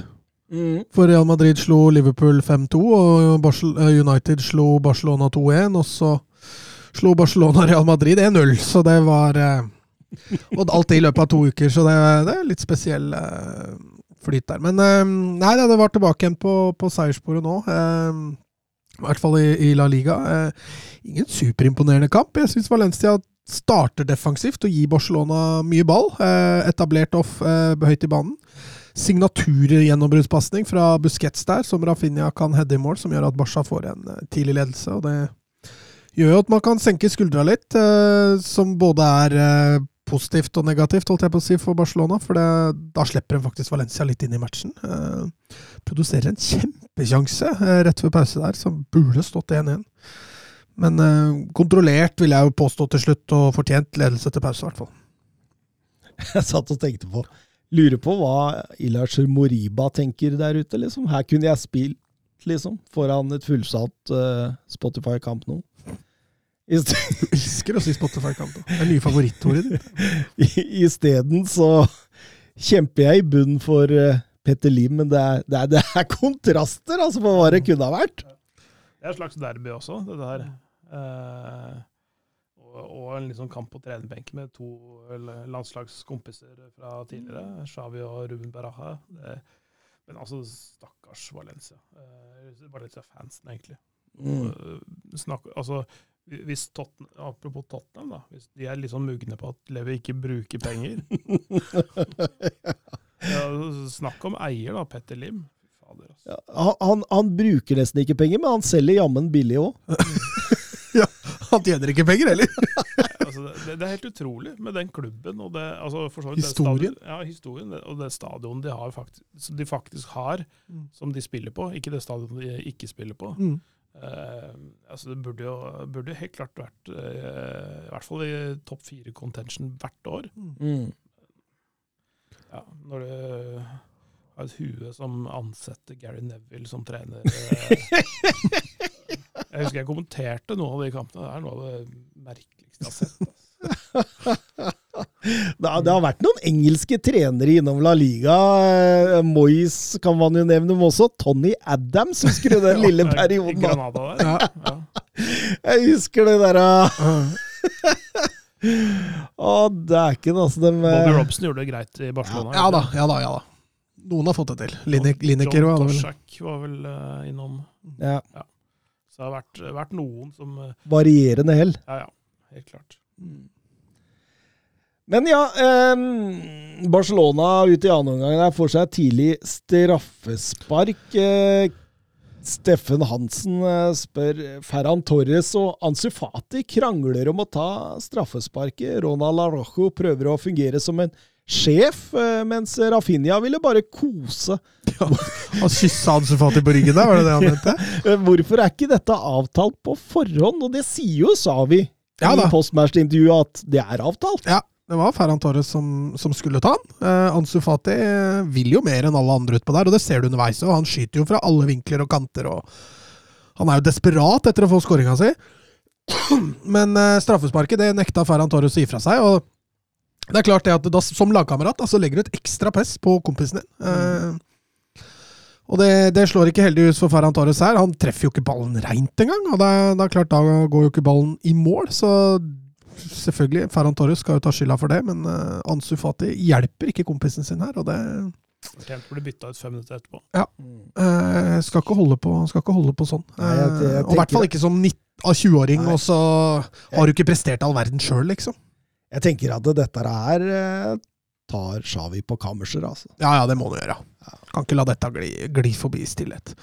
Apropos Arojo der, som, men det, det, den får Condé ta på sin kapp, og han skal heade tilbake igjen her, blir forløst, og Arojo må rett og slett bare ta en for laget der. for å ja, Du har satt det før. Aleine med Terstegen er bare en halvsjanse, men altså, jeg tror som stopper så gjør du det nesten på refleks. altså Bare tar tak i motstanderen der. og Fortjent rødt kort. Det var eh, soleklart. Og har vi ikke sett det grinding Barcelona før denne sesongen, mm. så har vi i hvert fall gjort det etter at de går ned 10 mot 11 der, fordi mm. da er det kun forsvar som gjelder? Det er det. Og øh, Altså, De veit jo de forsvarer seg mot et lag eh, som, som sliter, og, og, man bytter seg jo, hva skal vi si, øh, mer defensiv. Altså Alonso kom inn, Erik Garcia kom inn, Kessie hadde jo allerede kommet inn. og da, og da det er klart, Da får du inn de defensive kreftene da, på slutten der, og det øh, det gjør jo at mentaliteten blir også annerledes når det gjøres sånne grep fra sidelinja, og da skjønner spillere også at ok, nå skal vi forsvare inn 1-0 deres åttende 1-0-seier på 24 kamper. Det er, det, det er, et nytt Barcelona vi ser, altså. Det, det høres ut som du eh, snakker om eh, Atletico Madrid, Det gjør jo det. egentlig. Sånn resultatmessig. da. Nye Tiki Takan. Det nye Tiki Taka. The grinding. Bare en sånn anekdote over folk som stjeler straffespark. Det er kanskje min favorittting ved, ved Jon Carews karriere. Ja. Som viser eh, hans uh, hvor stor sjøltillit han hadde på, uh, på et tidspunkt. Og han hadde akkurat kommet til Roma. Al Capello var trener, Totti var kaptein. Totti skal jo selvfølgelig ta straffer i Roma, ikke sant? ja. Men Jon Carew, jeg tror ikke han hadde skåret ennå på det tidspunktet. Han kommer, Så får Roma straffe, så kommer Jon Carew bare dytter bort Totti. Tar ballen, setter den på 11-meteren, skårer. Starta ikke neste kamp. Det gikk jo sånn høvelig greit i, i Roma med Jon Carew. Ja da, men så, så, men, men det er liksom, tenk, tenk deg det nivået han var på da. Sånn, Ja. Både selvbilde og faktiske prestasjoner. Men uh, Karev gjorde det. Hadde alltid en god periode der han var. Mm. Valencia hadde en bra periode. Aston Villa ble han jo Strålende. strålende. Roma hadde en god periode. og Var så han var også. De var fryktelig flettende sine. ja. Jeg husker jeg gullkjeda han plutselig hadde rundt halsen etter overgangen til Valencia. Ti mil rett inn på konto. Rett på gullkjedet. Deilig! eh, Torjus Hansen eh, på Twitter. Eh, To av La Ligas eh, største klubber kan rykke ned i Valencia og Sevilla. Hvor stort blow hadde det vært for La Liga og spansk fotball?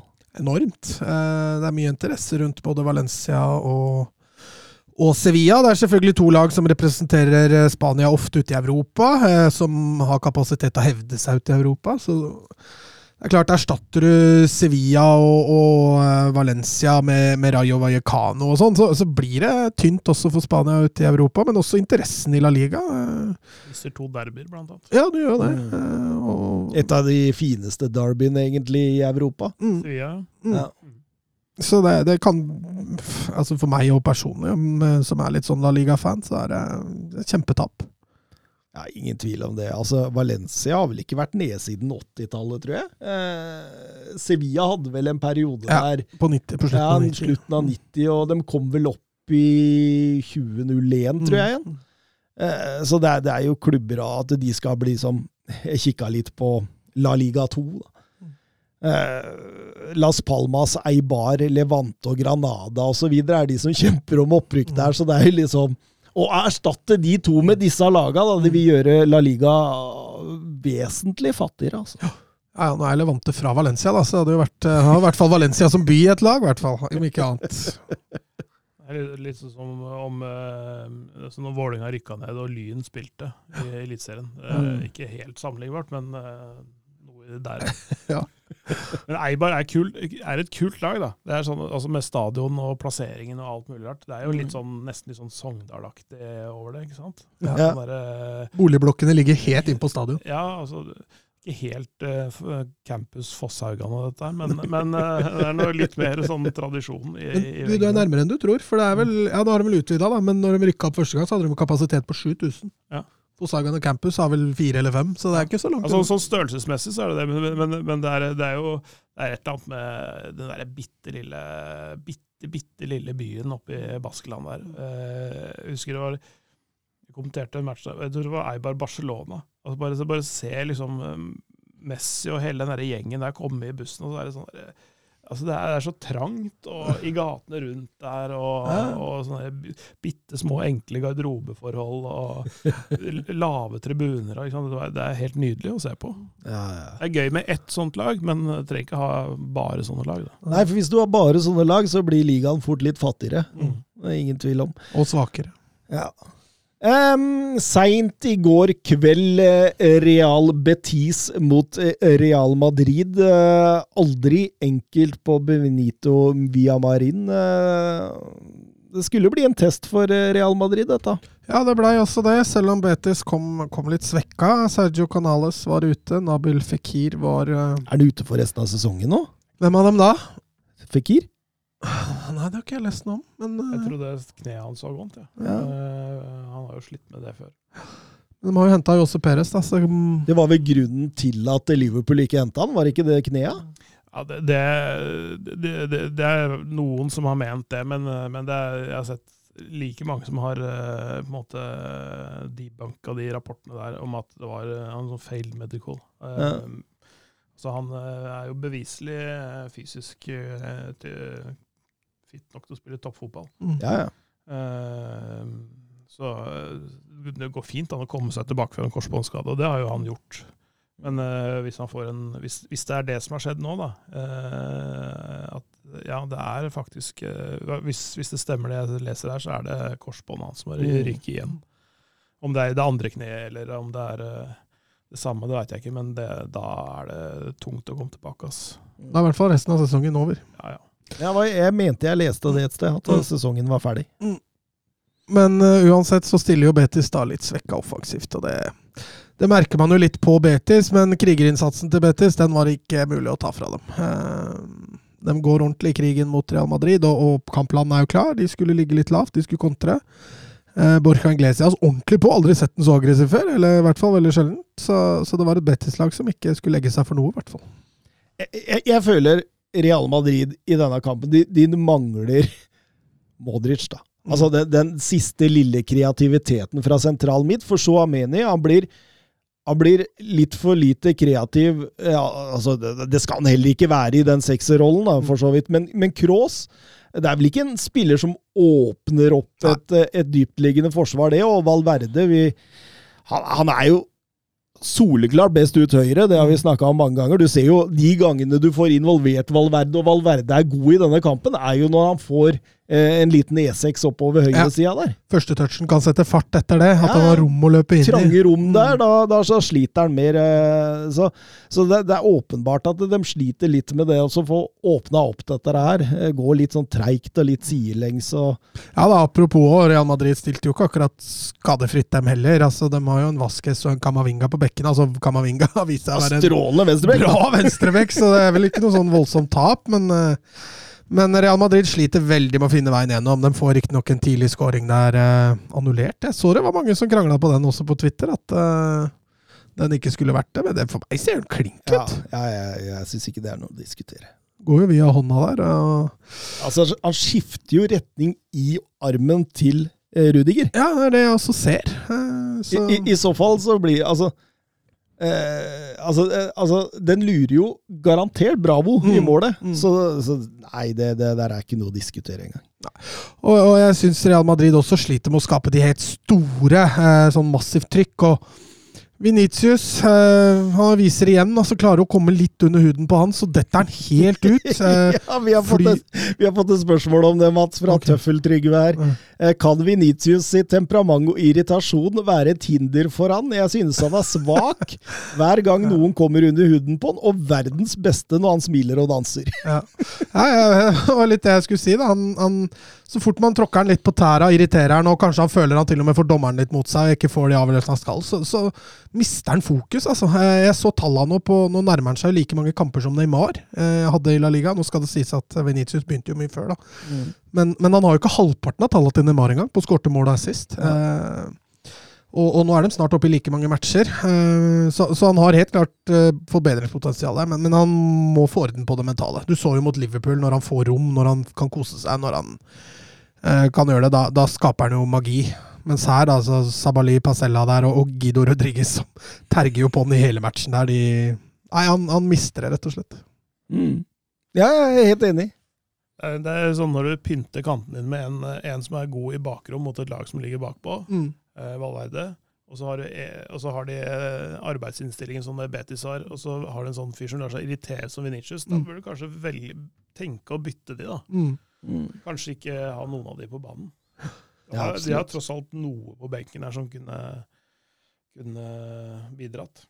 Ja, altså Eden Hazard, jeg vet ikke. Han er jo Apropos dau flue, liksom. Han, der er krampetrekningen over for lengst. Altså, han er, ja, han er ligger så med kald, seks bein opp, Han, han. han er, han er uh, brukt tepose. Ja. Men han sitter jo på benken i hver match, men han kommer jo aldri innpå. Uh, da, altså, Han har sikkert kontraktsfesta at han skal sitte, hver med i troppen. Det er sikkert noe sånt. Ja, ja.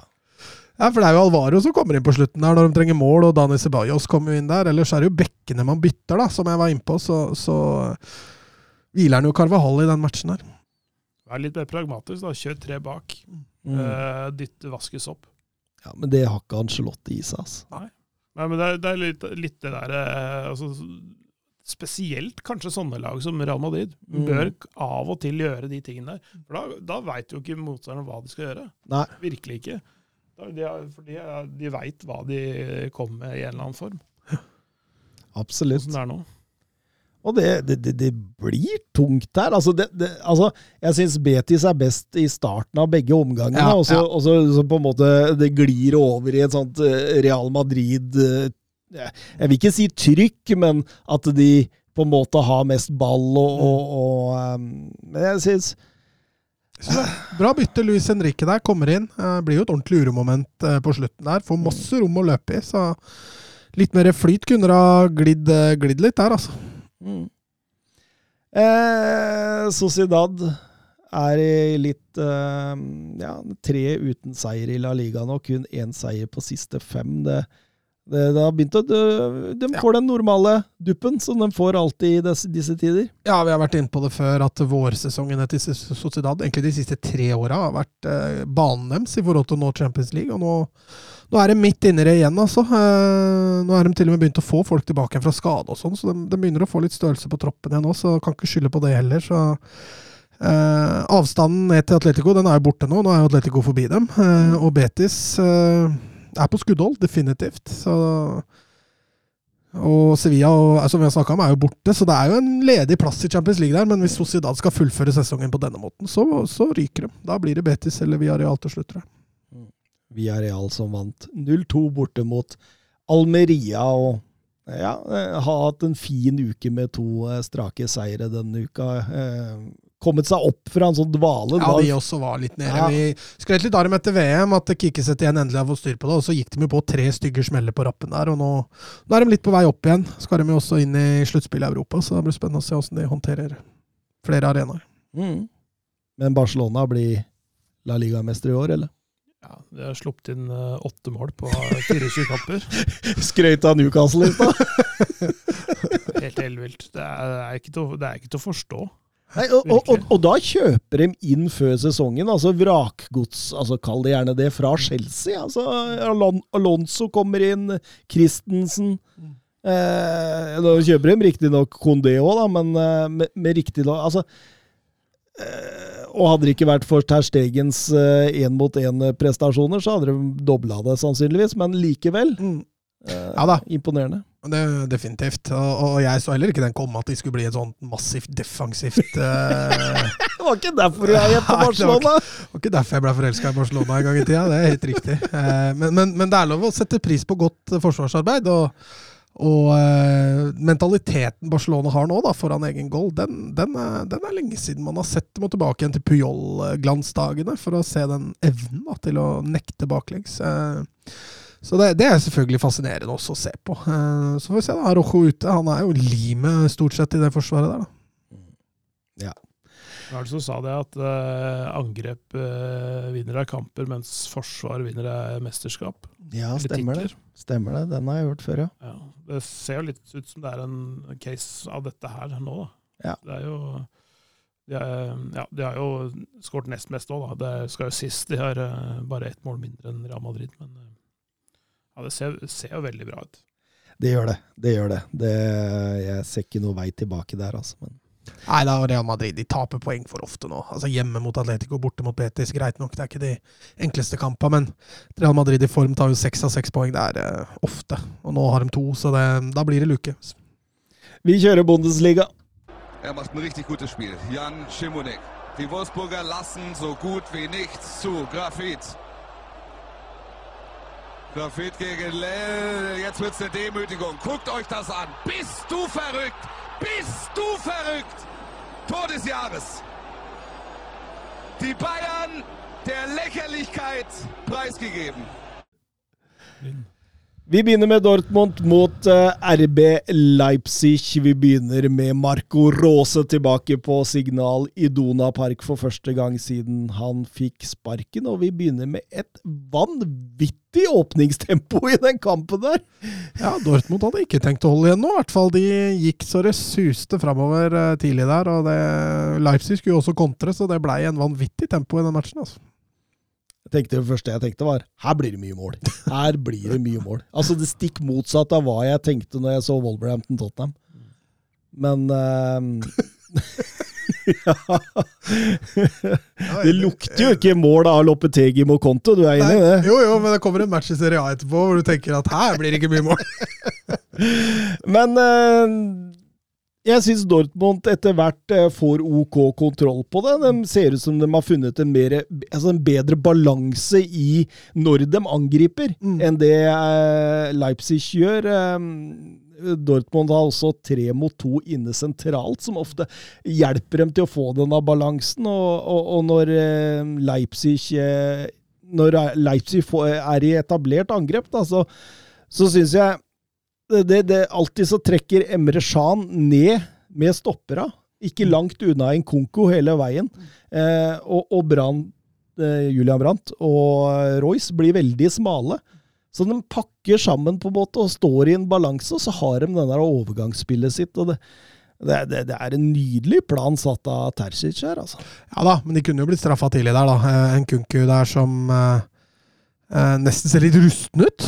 Han vegrer seg litt, for Dortmund-spilleren rekker jo å komme tilbake igjen der. For han er jo nesten aleine med keeper to ganger i løpet av første ti minutta der. Men uh, når de først da ikke greier å sette dem, så syns jeg Dortmund bare etablerer mer og mer. Uh, Leipzig får færre og færre kontringsmuligheter i første omgang der, og, og, og de får etter hvert en helt fortjent straffe. Ja. Royce setter sitt 159. mål for Dortmund, mestskårende i B- Dortmund. Tangerer eh, Mikael Sork der, så det, vi fikk flere sånne, sånne rekorder om mestskårende i, i, i sin egen klubb nå. Det er Gøy. gøy. Eh, Emre Shan gjør 2-0 rett før pause, og når Emre Shan skårer, da har du flytt. Ja, da har du med en gang. Mm. De begynner å få skikk på laget sitt. Altså, det var, det var en veldig sånn rotete høst og innled innledning på sesongen, egentlig. Men det begynner jo sånn altså, Nye stoppere, da, begge to, ikke sant? Av, av året eller av sesongen. Og, og Ryerson på bekken. Ikke, Mm. har ikke tapt ennå. Nei, nei. Så lenge han spiller, så taper ikke Dortmund. Ja, det er det, det som er katalysatoren her, faktisk. Ja, Ja. Julian Ryerson. Eh, eh, men, uh, men det at uh, Brandt har begynt å altså Han har hatt noen dårlige år. altså Han har ikke helt liksom som brutt gjennom glasstaket da, Mm. Uh, etter, at han, egentlig, etter at han kom til Borussia Dortmund, vil jeg nesten påstå. Uh, um, men han, han hadde Jeg syns han tjente på at Marco Royce var ute. Mm. For da fikk han litt nye arbeidsoppgaver. Litt, eh, han, han, om han tok det eller fikk det, det veit jeg ikke, men, men han, altså, han benytta det fraværet til å, å skinne, Mm. og bygd selvtillit av det. Uh, og, og når Royce er tilbake og funker, og Brant funker, så begynner det å bli bra, ikke sant? Mm. Og du har Bellingham der. og Så kan de andre gutta på midten gjøre drittjobben, og så kan de heller sprudle framover. Ja, ja. Det har mye å si. Ja, for de får en litt mer trøblete gang egentlig, Dortmund. Jeg syns Ja. de er litt eh, Men- nesten Ja. Ja, men Rossi gjør jo noe genialt. Mm. Eh, fordi han har jo sett at eh, de må få mer fart på det, de må få mer bredde i spillet. Og, og du, du ser han bytter inn på David Raum der for å få en trussel utvendig på begge sider. Eh, David Raum han kom jo etter hvert flere ganger ba, inn bak eh, Marius Wolff der på høyrebekken. Og, og på en måte, det eneste jeg tenkte, burde han sett dette litt tidligere? Mm. Fordi det var, den var veldig endimensjonal ut høyre der. Eh, men da gjør jo Terzic grep ganske tidlig igjen med å, om å få inn både Hummels og Dahoud for å få enda mer balanse i det. Så det, det er jo et sånn taktisk spill-motspill her som, eh, som eh, fungerer hele veien. Ja da, jeg er helt enig. Eh, Leipzig blir mye mer farlig, og så får hun plutselig to sider å angripe på. Så, da, så det blir litt vanskeligere for Dortmund å forholde seg til. Men, men jeg tenkte jo mer på den sluttspurten Leipzig har på slutten. At Mm. ikke de greier å score der, det er jo Ja, det er, er jo- Det er flyt. Slåttebekk der som redder på strek, Ja, blant annet. og- Meyer får jo det vanvittige skuddet til forsvar der. Men 2-1 eh, til Dortmund, og de vinner dermed sin Er det åttende eller niende strake Bundesliga-kamp nå? Det er, det er i hvert fall klubbrekord. Vi snakka i forrige runde om uh, sju, så da er det vel Ja, åtte, åtte, da. nå, da. Mm. Ti totalt, hvis vi tar med cup og tangerer eh, klubbrekorden da, til Jørgen Klopp fra 11-12-sesongen. Uh, meget, meget imponerende. Og de er det eneste laget i Europas topp ti med 100% uttelling, altså 100 seire, i, i 2023. møter de med Schalke borte neste, da, så er det typisk å ryke der. Lurer på hvem Europas topp ti er. Er- hva er det da? Har vi med Tyrkia og Nederland og, og Eh, se, det- det er Portugal er jo med, da. Port- Portugal er jo med. Portugal er seks, Nederland er sju, tror jeg. Mm. Det er vel Ukraina Ukraina. Russland var topp ti Ja. før, eh, før, før krigen. Uh, om de var ni eller ti, husker jeg ikke. Uh, Belgia er der. Ja, Belgia. selvfølgelig. Belgia, selvfølgelig. Uh, da er vi på åtte. Mm.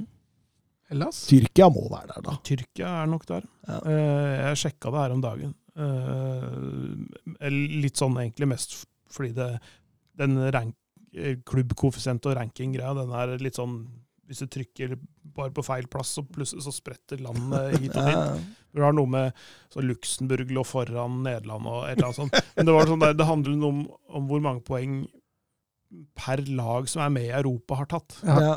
Ikke sant? Altså, så var det ett et lag som hadde tatt mye poeng, så det, det snittet var ganske høyt.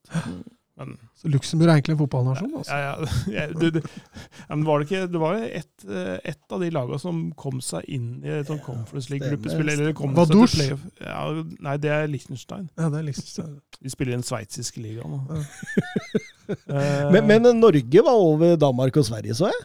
Ja, det kan godt hende at de er. Det er jo et gult, uh, utelukkende gult lag som eh, har uh, lille det. Lillestrøm. ja. Lillestrøm, den, ja. den, den tredje drakta eller noe, og alt er gult. Eh, Vi må snakke litt Stuttgart, Bayern München eh, Altså Var dette et Bayern München som var litt i sånn der eh, Champions League, eh, PSG til uka-modus, eller? Ja, det var et uh, Altså Du ser jo det på de sjansene de skaper. Altså Det, det kommer litt ut av ingenting når de først skaper noe. da Uh, Det går litt på tredjegir offensivt. Jeg føler jo de har grei kontroll defensivt. Jeg føler liksom aldri at de er noe særlig trua. Men, men når de først får målet sitt, altså, så kommer liksom ut av ingenting. da Det er tegn på at eh, Ja da, det flyter litt for dem, men, men det, var ikke, det var ikke Bayern mot Union vi så her, altså. Jeg har det en ny enten-eller til deg, Clay. Mosiala eller Bellingham? Jeg vil si Bellingham, for han er engelskmann. Ja. Men, men det er fordi jeg er det òg. Ja. Nei, men Musiala, Men- er ikke han også halvt engelsk? Jo, men han spiller på det tyske landslaget. Ja. Eh, så den er Men det er, det er, grei. men, det er nas- nasjonen som skiller dem her. Nei, det, det, men den jeg har vært mest imponert av denne sesongen, er Musiala. Altså, mm. altså Det som skjedde i sommer med han, han altså, Nesten så jeg mistenkte han for å ha stukket inn, huet inn i medisinskapet til Juventus der. Der hadde det skjedd ting sånn rent fysisk. Ja. Altså han, Men det har jo noe med alderen hans altså, og liksom, altså, stoffskifte og hormoner og sånn. Det, det at du legger på deg mye muskler, både er eh, altså, sammensatt av kosthold og treningsregime, selvfølgelig, men, men, men det skjedde noe i, i sommer. Både med, både med fysikken, men også, også liksom innstillingen og måten han liksom gikk inn i situasjonene på. Så, altså den, den høsten hans var helt magisk. Åpna sesongen mye på benk, og så, Ja. og så kom han Ja. inn i laget Mm, der, og, ja. og det virket som nesten Nagelsmann hadde ikke noe sånn.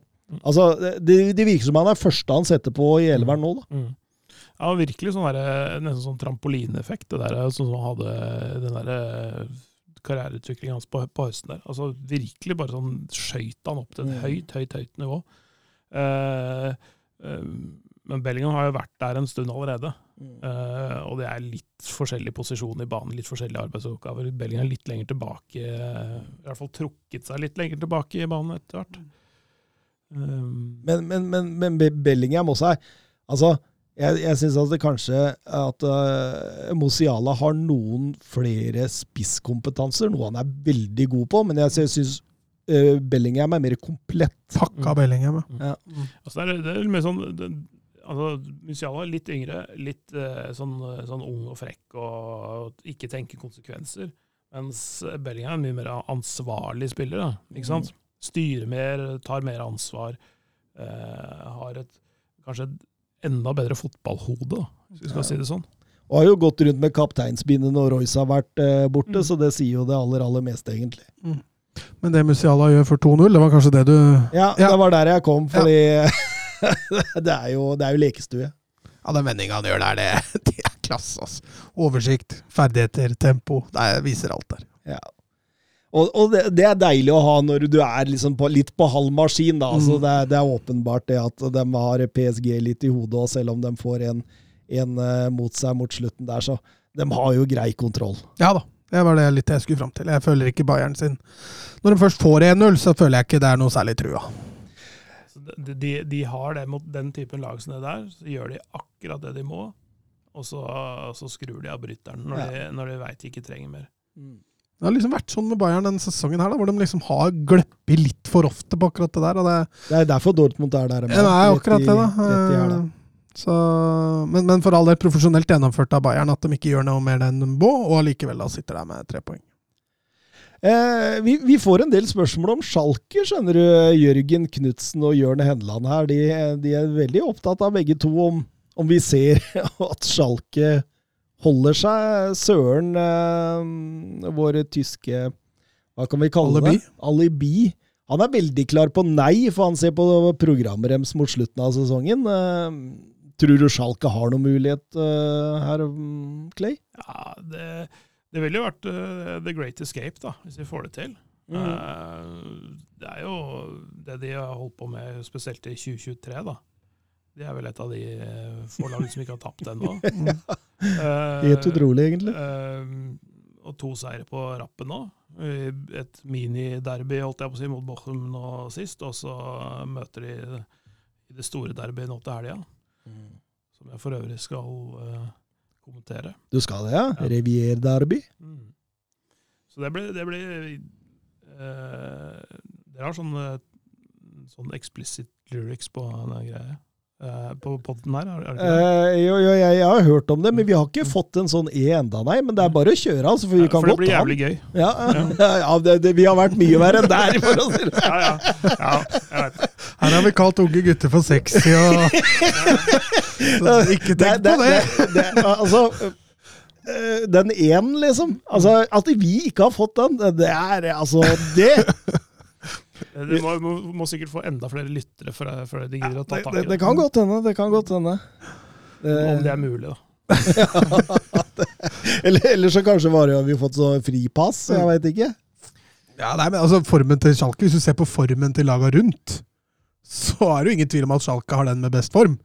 Eh, og de ligger jo nå A-poeng med fire lag eller noe sånt, og har vel bare ett poeng opp til, til Hertha Berlin. Så for at de skal klare seg, det er selvfølgelig fullt mulig. Men det er jo som Søren var inne på sist, da, så de, de har vel kanskje litt tøffere program igjen enn alle andre. Eh, og så har vi sett bunnivået til Schalke i år. da. Mm. Mm. Jørgen Knutsen spør om vi tror Schalke kan ryste Dortmund og ta poeng her. Ja, klart de kan. Eh, nå er de jo stinna selvtillit. Altså, de har jo de, har ikke så mye å tape i den kampen her, med tanke på utgangspunktet deres. Og de har jo vært eh, relativt bunnsolide defensivt. da. Mm. Altså ett mål på de siste fem kampene. Ja, ja. Eh, Thomas Reis, er ikke det som er manageren her? Mm. Eh, Ett mål på de siste seks kampene, for å være helt, helt presis. Eh, Det hadde jo Er det ikke det? Jo. Mm. Eh, Det stemmer nok, ja. ja.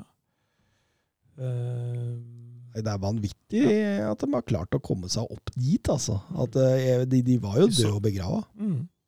Så det, så det men, men når du ser, hvis du går gjennom det laget der, så er det sånn der Det er sånn tilfeldig sammenraska greier, ass.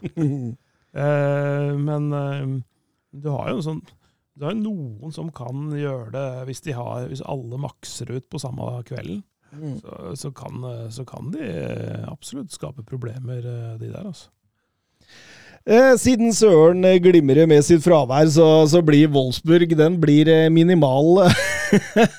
det må vi bare si, men de, det endte 2-2 mot eh, Frankfurt. Eh, fikk inntrykk av at Søren var sånn relativt fornøyd med Han sendte oss en liten kamprapport der, Mats. Ja da, eh, 2-2 var eh, Altså, jeg fikk jo sett matchen. Altså, det var jo Jeg syns jo Wolfsburg kommer veldig godt fra det. Det var som Søren var inne på sist, de har blitt litt mer defensivt orientert. da. Eh, Resultatet går i sitt favør, så, så faller de fortere tilbake igjen i ramma. og eh, Frankfurt skårer vel på omtrent de to første sjansene de har, som gjør at de snur matchen. Eh, veldig bra hvordan Wolfsburg da agerer på å gå fra lavt til høyt igjen. Får 2-2.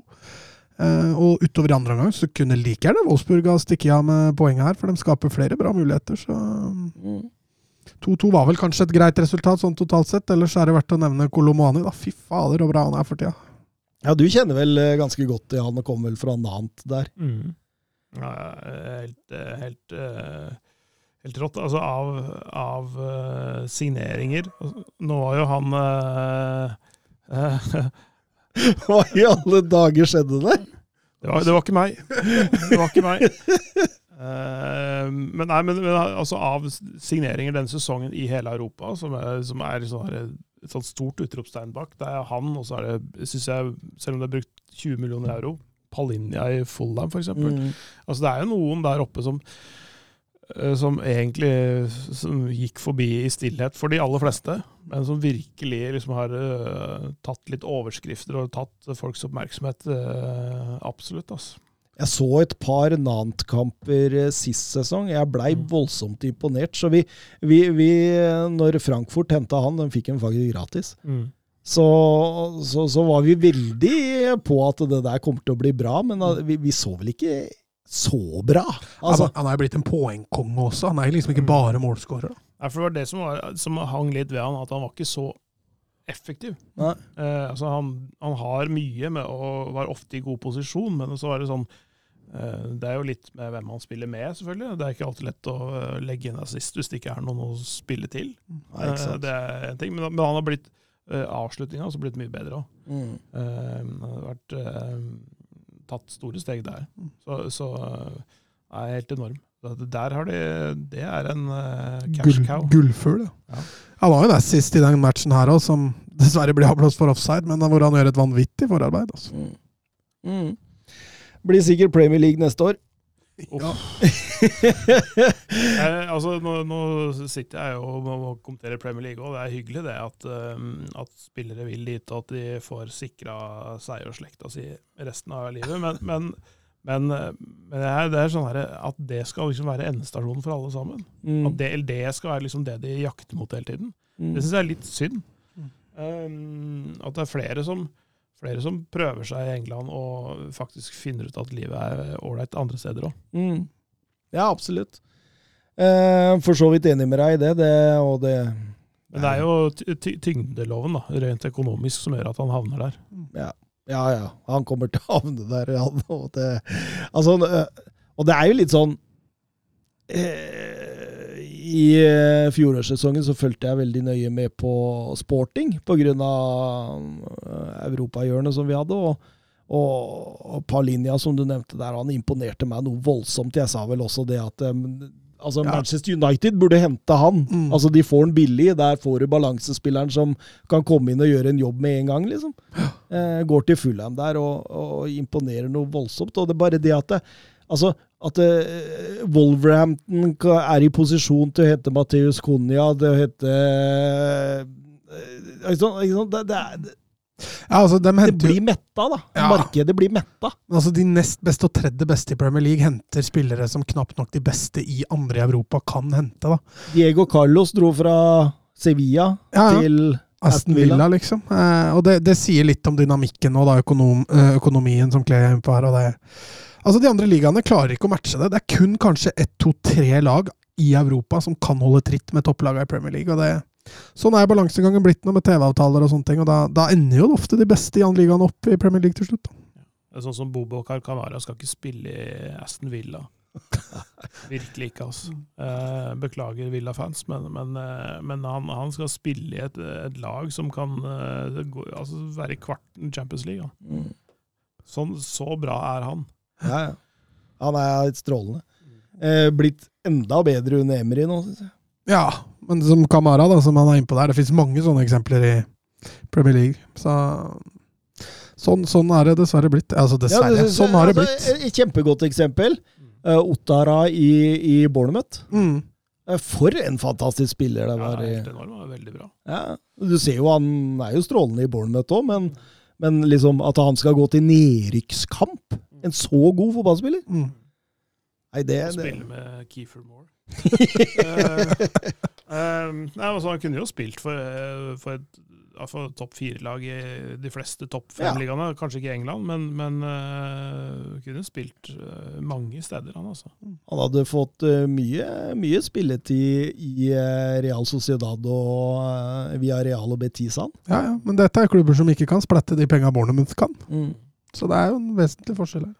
Det morsomt. eh, Det, det gir jo noen morsomme matchups i, eh, i Premier League. Da. Det er litt sånn gøy eh, for jeg som Jeg kommenterer stort sett bunnkamper, fordi storkampene har holdt av til de store navnene. De Vikestad. ja.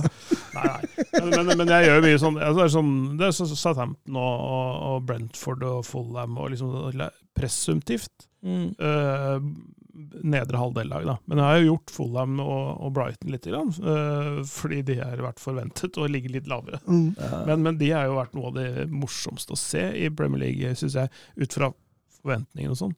Brighton under De Serbi. ja, ja. Og så etter å ha mista folk, og mista treneren din, som var liksom grunnlaget for det hele. Fantastisk. Jeg syns også um, jobben Marco Silva gjør i Fulham, fantastisk bra. Ut fra spillerne han har. og Ja. Han var misfornøyd ved både første og andre transfervindu, men, men allikevel, eh, han, han får det til å funke. Uh, og jeg så Enzo Fernandes sin debutkamp for Chelsea var mot Fulham. Mm. Og Da ble det litt morsomt å se Enzo Fernandes til 1,1 milliard og han andre til 20 millioner euro Mm. mot hverandre. Du ser jo hvem, hvem som var klart best i den kampen. Det var Palinja. Det var. Palinja, ja. Mm. Veldig artig hvordan du tar sammenligninga 1,1 milliard og 20 millioner. Avstanden ble enorm! Og ganger det med en, en liten tier da, på, på den der. Men, men, altså det, men det er jo det er mer enn fem ganger prisen. da. Ja, ja, jeg skjønner hva du mener. Nei, du, altså, å kommentere Brighton det må jo være noe av det morsomste som gjøres for tida. Det er jo et Gjorde, fantastisk gjorde det sist i helga, 4-0-matchen her. Visste du at Mitoma? Mitoma slutta med fotball for å, for å gjøre en doktorgrad i dribling? Ja, altså, altså, jeg, jeg har hørt det. Jeg leste om det. Det er spesielt. Og han er ganske god til å drible. Ja, han lærte noe. Nei, nå har jeg prøvd å sette over til Serie A ganske lenge. Skal vi prøve? Ja, gjør det. era il marcatore di Cannavaro. Palla tagliata, messa fuori, c'è Pirlo, Pirlo, Pirlo, ancora Pirlo di tacco, tiro,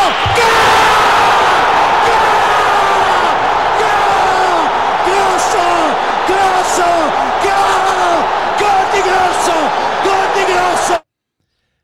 Vi begynner med ja, kanskje det laget som har imponert oss mest eh, totalt sett eh, denne sesongen. Napolis oppgjør mot eh, Lazio. Og eh, Spalletti fortsetter med den samme elveren. De antatt beste, forutenom eh, karantena på Mario Rui. Og det, er, det er lite rullering, men eh, Ja, Vi er inne på det kort med Arsenal òg. Det er lag som rullerer lite. Bør Napoli havne høyt opp på den lista. De, de fortsetter i samme tralten. Lazio topplag. De kom dit for å, for å ligge lavt og skulle kontre. Det, det klarer de for så tidvis bra, spesielt i første omgang. Mm. Jeg, jeg syns helt klart eh, Lazio eh, åpner godt. eh, det, det, det blir jo litt sånn at Napoli etter hvert med gjennom denne possession-fotballen sin, og, og det, de tar jo mer og mer over etter hvert. Men, men så lenge du klarer å få holdt Oshimen feilvendt og Kvarjaskela langt ut til venstre, så, så gjør du mye av jobben, altså. Ja, og jeg synes liksom altså Når du får Zelinskyj og Angissa altså For all del gode fotballspillere, men når, når de når du tvinger fram avslutningene hos dem, Mm. og ikke hos Chimen og Kvaratskhelia, så kommer du, som du sier, mye lenger. Eh, for all del gode fotballspillere, men, men når de må skyte fra 25, så blir det ikke alltid like farlig. Nei, absolutt ikke. Jeg syns Napoli også veldig flinke i det defensive her. Altså, det Treeren på midten går omtrent mann-mann der. Stenger forsyningslinjene opp mot eh, de tre på topp der. Og for eksempel en Lozano var fullstendig borte. Han var helt ferdig da. Det var liksom Beholdninga var en Kvadraskela, eller så måtte det komme uh, bakfra. Oshimen blir veldig, uh, veldig alene der. Og når Mathias Vecino setter eh, 0-1 der, så, så er det akkurat som verken spillere eller publikum tror helt på det de ser. Eller vel scoring, da. Ja. Fy fader, for en treff. Uh, Skårer jo fra 100 meter. Se hvordan de stiller opp i morgen, Lazio. Spiller mot Aset Mm. allerede i morgen.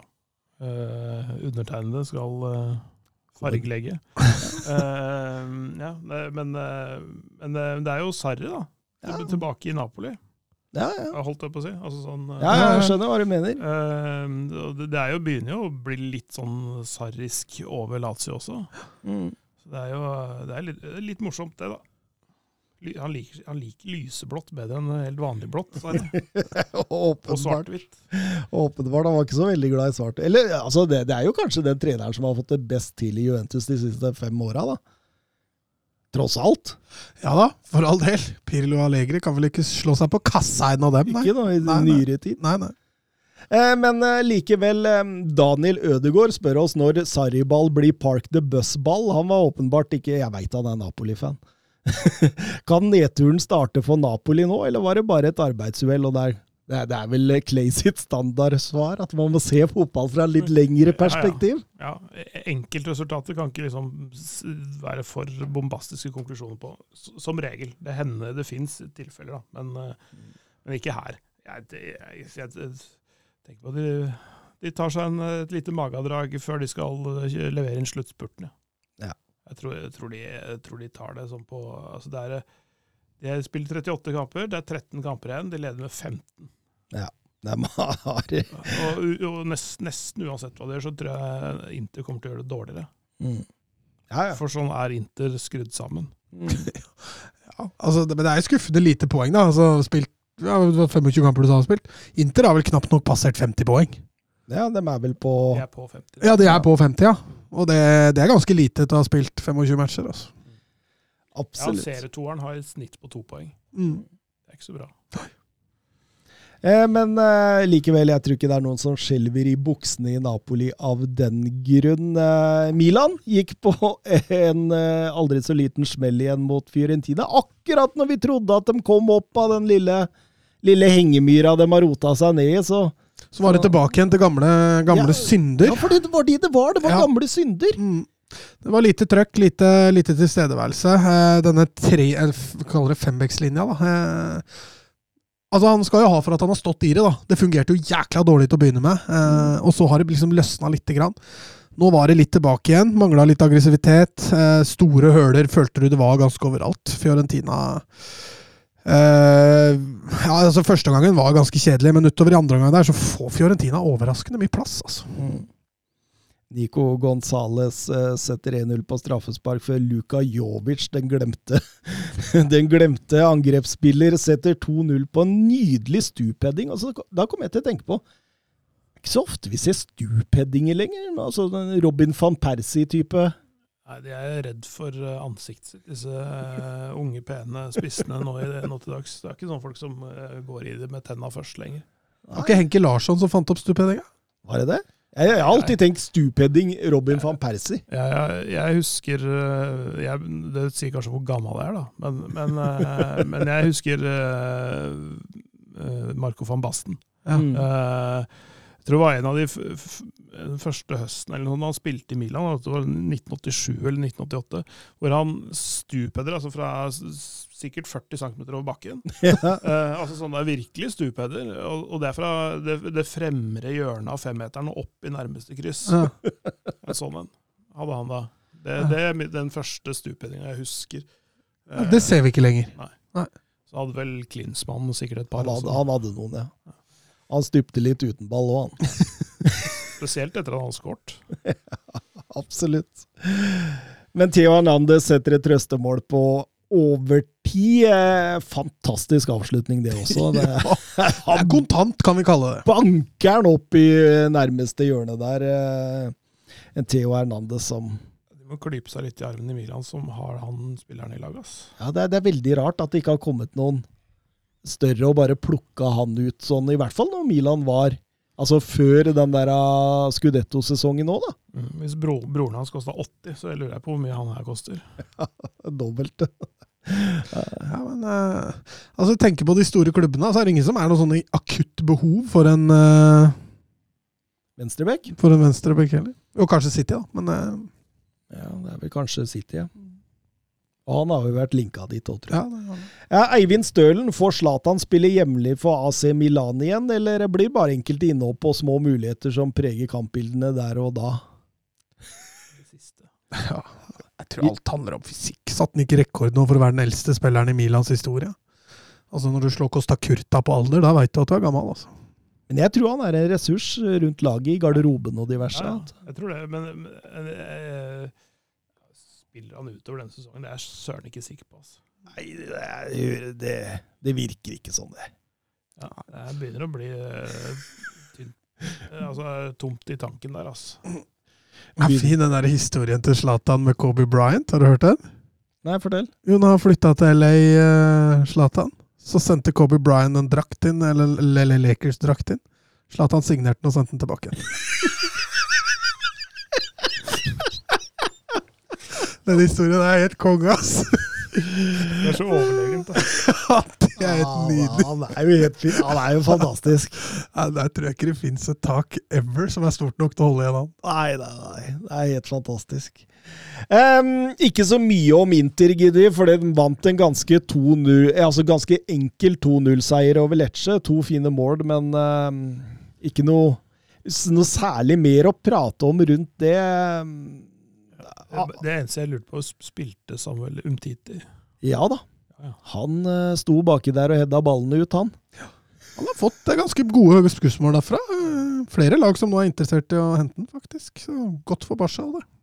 Det er sånne, det er sånne, sånne overganger som det der ble jeg litt sånn overraska over. Sånn som plutselig sånn, altså, Gått fra det ene til det andre, og så plutselig så går det fra Barcelona til Lecce. Ja. Altså, jeg lurer på liksom, hva, hva, som, hva som har skjedd der. Men det er jo Men han holdt jo på å bli Barcelonas svar på Vincent Bogarde. ja, ja. Det var jo ikke så langt unna der, så det, det er jo godt jobba av Laporta og gjengen å klare å på en måte Ja, men det, det, det som først var bra der Han, gikk, han hadde jo en kjempekontrakt. Tjente bra med penger for å sitte på benken og være skada. Så greide de faktisk å forhandle kontrakten hans ned mot at de utvida kontrakten hans. Sånn at han, han tjente jo mindre, men han skulle få være der lenger, da. Eh, og så greide de jo til slutt å få leid den ut, da, men de var jo, prøver jo å selge den, så vidt jeg skjønner. Så, så er han jo ikke veldig velkommen. De vil jo kvitte seg med den lønnsposten totalt sett. Men sånn som de har holdt på, så syns jeg de bare skal melke det. Uh, Ja. jeg har, han har ikke vært støtta veldig godt gjennom de, de skadeperiodene han har hatt heller, vil jeg, vil jeg si. Så ja. Jeg er på team, eh, team Umtiti der, altså. Men det er verre enn Braithwaite. Den er, den er stygg, ass. Måten han blir, blir mobba ut av klubben. med. Mm. Det er jo ikke, Barca, det er jo ikke hans skyld at Barca henta han, mener jeg. Mer enn en klubb, sier de. Ja. Eh, Roma-Juventus derimot, der må vi stoppe litt opp. Vi må, vi må selvsagt snakke om Mourinho, som i utgangspunktet skulle vært suspendert for tredje gang til denne kampen, men eh, får lede laget grunna en anke eh, på bakgrunn av at fjerdedommeren skal ha terga Mourinho. Og i postmatch-intervjuet etter Cremonese-tapet så sier Mourinho at eh, han eh, terga meg fordi han er fra Torino. Han vil ikke at jeg skal lede laget mot Juventus. Og dermed blir det en, en sak av det som gjør at han faktisk får lede Lede Roma mot Juventus. der, Det altså. er nesten en Bodø-Glimt-kampen om igjen, det. Ja, det er, han, han kan det der. Han er ut og inn, altså. Han kan hver eneste Og nå, du ser i denne matchen nå at han har lagt all sin sjel, vilje og energi på bare Her skal vi eh, Vi skal ta dem! Vi skal ta dem, liksom. Det er, det, og det er jo en Mourinho masterclass. Ja, ja, for en gjennomføring av en fotballkamp. Og det var denne kampen jeg refererte til, apropos en kamp du ikke nødvendigvis gleder deg veldig til å se med tanke på underholdningsverdien. Og det, det følte jeg jo traff brukbart. Eh, Det laget som altså, Det har jo ikke skrytt veldig av Juventus for underholdende fotball, men det var jo de som fremsto som underholdningsverdien i den matchen her. Og Roma la jo alt til rette egentlig for akkurat det, men, men det var sånn de ville ha kampen. Ja, ja. ja. Det, det, det, var, det var rett og slett fascinerende å se på. Altså. Og, og, og kampen, som du sier Jeg, jeg følte han tok meg sånn 20-30 år tilbake i tid. Altså, I Serie A. Mye taktisk spill, motspill. Eh, ekstremt ærgjerrig. Ekstremt eh, hensyn til hverandre og kynisk og taktikkeri. Og det var jo, det var jo sånn de dreiv på under hele matchen der. Jeg syns jo det er litt gøy, da. At ikke alt er sånn derre Tut og kjør. ja, sånn tut og kjør, eller tikki taka i hver eneste kamp, og begge prøver å ut-tikki taka hverandre, liksom. Eh, og, og, og alltid spille seg ut bakfra, aldri slå en lang ball. Det er jo sånn, Nå har jo selv sånne spilte seg ut bakfra lag, begynt å slå lange crossere for å strekke motstanderen. Men, Ja. men det er ikke så lenge siden de ikke gjorde det heller. Eh, Men, men, eh, men det er i hvert fall Jeg, sy jeg syns italiensk fotball er, er litt morsomt å se på, nettopp fordi det er en del sånn annerledestenkende trenere der, som, som, som eh, nettopp spiller det taktiske spillet. At det er fotball er ikke bare for de som kan trikse til 100 og uh, ja, spille, som er veldig gode på å spille i firkant. da. Ja, ja. Jeg er helt enig. Det er uh, har latt meg underholde mye i Serie A denne sesongen. Og, og jeg lot meg også underholde av 1-0-målet til Gianluca Manzini der, for for et treff han får når ballen Ja, men det var noen elleville skåringer i Serie A, spesielt langskudd generelt nå. Mancini får kanontreff der, og legger den i, legger den i lengste fra nærmere 30 meter, vel. Det er en annen ting som er sånn blast from the past. Langskudd. Det Mm. skjer jo nesten ikke lenger, det heller. Men det er ikke sant. Ja. Serie A gir deg det du ikke visste du ville ha. Det du ikke får andre steder. Ja. Eh, og, og Moise Keane må jo sies å gi oss også noe som ikke vi normalt sett ser noe mer, for det der, der var totalt hjernevist. Ja, hva han tenker på der, han bytter inn. Han var, var 42 sekunder på sekunder før. på banen. Eh, han og Manzini står og river litt i hverandre der, og, og han treffer Keane på et ømfintlig punkt i hodet, tror jeg, for det, det bare rant over. Sparker han i kneet, og så går det jo tre sekunder da, før Manzini finner ut at den, jo, det gjorde litt vondt. Så han legger seg ned, og det Gått på uh, Fostervolls uh, skuespillerskole. Ja, det så jo litt sånn ut. Men uh, for all del, fortjent rødt kort, og, og Keane sin dumskap tar jo all oppmerksomheten fra Manzini sin flauhet, holdt jeg på å si. Ja. Eh, Du ser også altså, Allegri Det er et sånt bilde der hvor De går Kim mot hverandre. opp- Ja, og så, han slår ut med armene og bare sånn Hva faen, hva er det som skjedde? Porke, porke. Ja. Hva driver du med, liksom? Åh.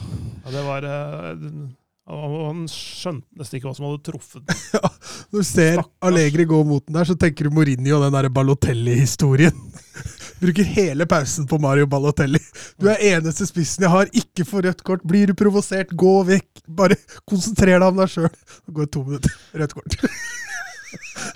Ja, fantastisk. Det er fantastisk. Men, men fikk Allegri kanskje smake sin egen medisin her?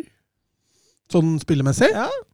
Altså, det var jo ikke overraskende at Roma skulle spille sånn heller, da. Eh, men ja, dette er jo litt sånn Juventus har eh, tatt en del poeng i år. Så du har jo rett i den påstanden.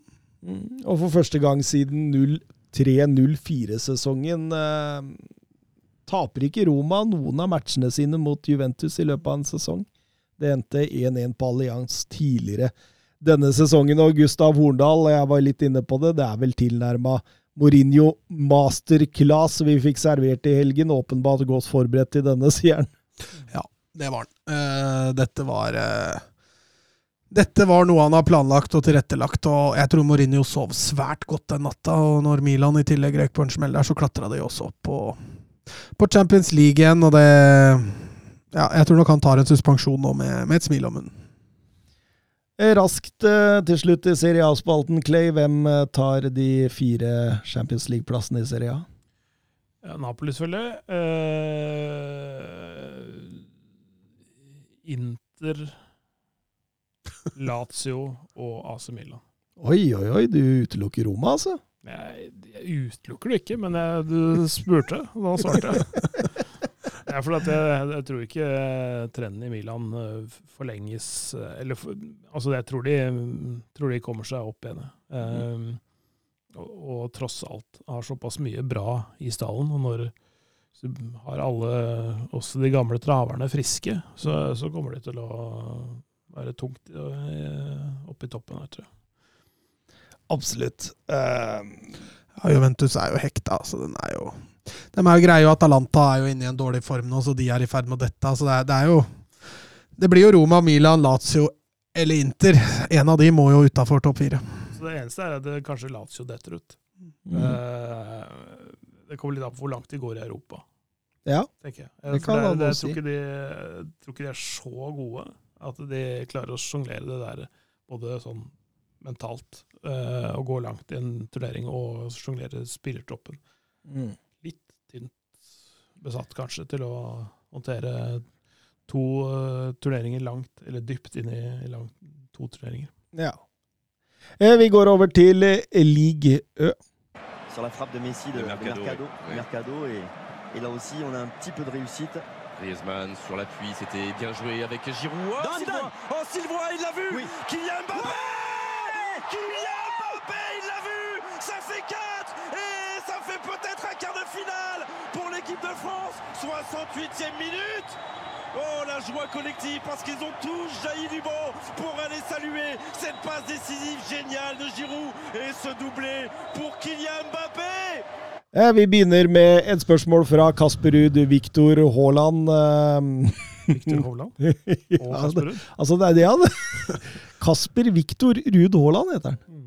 Eh, Jeg reagerte på det første gang han eh, slo igjennom i, i spørsmålsepisoden. Men han, han spør hvis vi skal se fotball i Frankrike, hvor skal vi dra, Clay? spør han.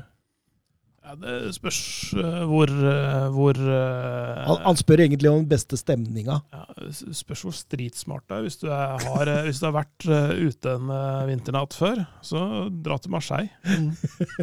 Da tar du turen dit. Men da må du ha stridkred? er det det du Nei, nei du, du må du, du, du, du bør altså vite hva du går til, da. I større grad der kanskje enn mange andre steder. Men det er ikke helsefarlig.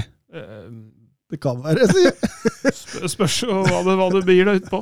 Eh, Ta på deg leggskinn og tropehjelm og ridepisk i hver arm, så Ja, er, eh, men, men, men Marseille, fantastisk eh, sted å se fotball. Eh, s- eh, for eksempel. Helt i andre enden av landet. Mm. gruvebyene i nord som har større kapasitet på stadion enn det bor folk i byen.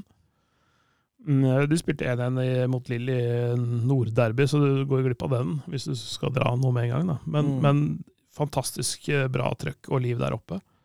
Um, jeg var, jo- har jo vært svak for Sankt Etienne lenge. Nå ligger jo de og, og kaver litt midt på tabellen uh, i Ligue Dø, men, men der er det fortsatt bra liv. Veldig bra trøkk der. Um, det aller beste er selvfølgelig eh, når de møter Lyon. Um, et, eh, kanskje det kuleste derby, syns jeg, i Frankrike. Selv om det kanskje ikke er det største. Det er, det, altså, det er det Canal Pluss-konstruerte Le Classique. Eh, men men, men eh, det har vært noen ganske minneverdige kamper mellom Sankt Etienne og Lyon opp igjennom. Altså, hvis, hvis, du, hvis du eh, liker sol og varme og, og, og eh, ikke liker å bli liksom løpt ned av folk, hvis du, ikke, hvis du syns det er litt, sånn, litt plagsomt når det er trangt og det er Ja. mye mennesker, så drar du og ser på en Monaco-match. Det, det er forbløffende trivelig, men er, du sitter jo rett ved kanten av Middelhavet og får se noe av de beste spillerne i Frankrike. Uh, nå er det mange år siden jeg var der uh, sjøl og så match, men, men jeg var, da var jeg bortesvingen sammen med Lill-supporterne. Da kosta det ti euro å komme inn. Deilig. Det var 2011, da, men, men det er sikkert ikke så himla dyrt nå. og Det, er jo, øh, det var jo eh, da, Det var det året Monaco rykka ned og Lill vant serien, faktisk. Ja, okay. ja. I 2011. Våren 2011. Så, så men, men eh, Det er det samme året QSI tok over PSG, det vel? Ja, de, tok over, eh, de tok over i desember. Lille julaften eller sånt, nå, 2011. Da leda de serien med Antoine Comboiré som trener. Eh, Som de møtte så- så- denne helga? Ja, som de sparka han. Ansatte Ancelotti, og så vant Montpellier seriegull. Eh, men eh, så, sånn er det. Det har gått greit etterpå, da. Ja, det, det jo, jo Det gikk si- greit. Sitter en kjepphest igjen der. Mm. Champions League. Ja, det gjør det. Men den tar de jo nå i år. Du tror det? Ja, For nå er Neymar skada ute året. Ja. Eh, og de er et betydelig bedre lag uten ham enn med ham. Da får du i hvert fall én spiller til på banen som løper hjemover. Ja, det er, du, du har én i angrepsrekka som presser. Eh, Babyen Fredheim han spør også eh, hvem anser du som de tre største talentene i Ligue Ø eh, per nå? Den, jeg så den, og den er, den er vrien, ass. Men, men det er sånn der, hvor, hvor setter du grensen? Når er det du slutter å være talent og skal produsere, og er en, en sånn eh, En sånn fullt ut voksen mann, liksom? da. Ja, skjønner. Eh, Det, det har jeg tenkt litt på, men det kommer jo ikke uten han eh, Warren Sair Emery i, i PSG. Han er 16 år. Han, han fyller år på torsdag, tror jeg. Onsdag eller torsdag. Ja. Han blir 17 da. Men allerede liksom har vel eh, nesten tosifra antall kamper, tror jeg, for eh, PSG denne sesongen. Veldig, veldig bra, spennende midtbanespiller. Tidenes yngste til å debutere i, i, som startelver i Mm. sluttspillet i Champions League. Og så er, det, så er det han Elias Ben Segir i Monaco, mm. som har kommet inn nå i, i vinter og, og skåret vel tre mål, eller sånt, åtte-ni kamper. Mm. Uh, virker veldig spennende. Eh, og så er jeg litt svak for han Leslie Ugochukwu eh, i renn, som er et beist av en spiller. Han er vel akkurat fylt 18 eller noe sånt nå. Jeg så han i fjor, fjor høst mot Rosenborg på Lerkendal. Altså bare sånn derre eh, Hva skal jeg si? Ja? Altså den, den, altså den fysikken hans er jo én ting, men han virka så moden for alderen òg. Mm. Mulig han blir 19, eller er 19 forresten, men han var 17 på det tidspunktet der. Jeg bare tenkte, det, kan ikke stemme. Og så måtte jeg dobbeltsjekke, og jo, han var 17. Ehm, ja, men det er, det er i hvert fall tre stykker der. Men det er, det er, så, det er så mange talenter. Uh, du kan jo snakke om Rayan Sherkia, han er 19 år, da. Ja. Eh, han er, også, da- men han har jo spilt i tre fulle sesonger. Mm. Han har ikke slått gjennom sånn ordentlig, liksom. Nei, jeg mangler det siste lille. Mangler det siste lille. Um, Han har et voldsomt rykte, har hatt det i mange år, egentlig. Ja, ja. Han, han eh, debuterte som 16-åring for er det tre? Fire år siden? Kan fort ha blitt fire år siden nå. Uh, så, så, men, men, men det er ikke noe hastverk, da. For han, når han fortsatt ikke har bikka 20, liksom, så er det ikke noe som maser på han. Men det som er vi som maser litt på, hvis du skal snakke om talentet fra Lyon-skolen, er Hosse Mawar Ja. Mm. som skulle enten Han skulle egentlig tatt steget bort derfra for to år siden, tenker jeg. Mm. Eh, for da, da, nummer én, da hadde Lyon fått mest mulig igjen for den. For da, da var markedsverdien hans Siden da så har den jo falt. Mm. Um, han har ikke prestert eller utvikla seg noe videre. Eh, det jeg tenker at han, han er sånn som ender i Betis nå. Mm. Ja, Eh, sånn istedenfor uh, Fikir, litt sånn eh, litt, Bare for litt sånn enkelhets skyld, da, dra den samlingen der. Men når de ikke får helt den, den overgangen han sjøl ønska seg den gangen han var på topp, i den klubben han var i, og så må han ta til takke med noe som er på hylla under. Mm. Eh, det, for, for han skulle jo dratt til Arsenal for to somre siden. Ikke sant? Det er det som Ja. var greia med hos Mawar, men det kom jo aldri. Han, er, han virker som han er au lass. Han er ikke alltid like lett å forhandle med. Hvis vi, vi har jo snakka om, om, eh, om Levi i Tottenham. Mm. De, er, de to er ganske like, sånn sett. Mm. Men nå er det jo flere eh, på eiersiden John Texter, som er amerikanske har aksjemajoritet i klubben nå. Så jeg vet ikke hvor stor eh, eh, kraft han har i, i, i det eh, å forhandle lenger, au lass Men uh, en, uh, ja. Eh, han John Texter er jo type. er det en ny, type inn? Ja, altså, jeg tenker litt Bowley når jeg hører om han, men, men han ikke, har ikke de pengene, da. Men han er, jo Botafogo også.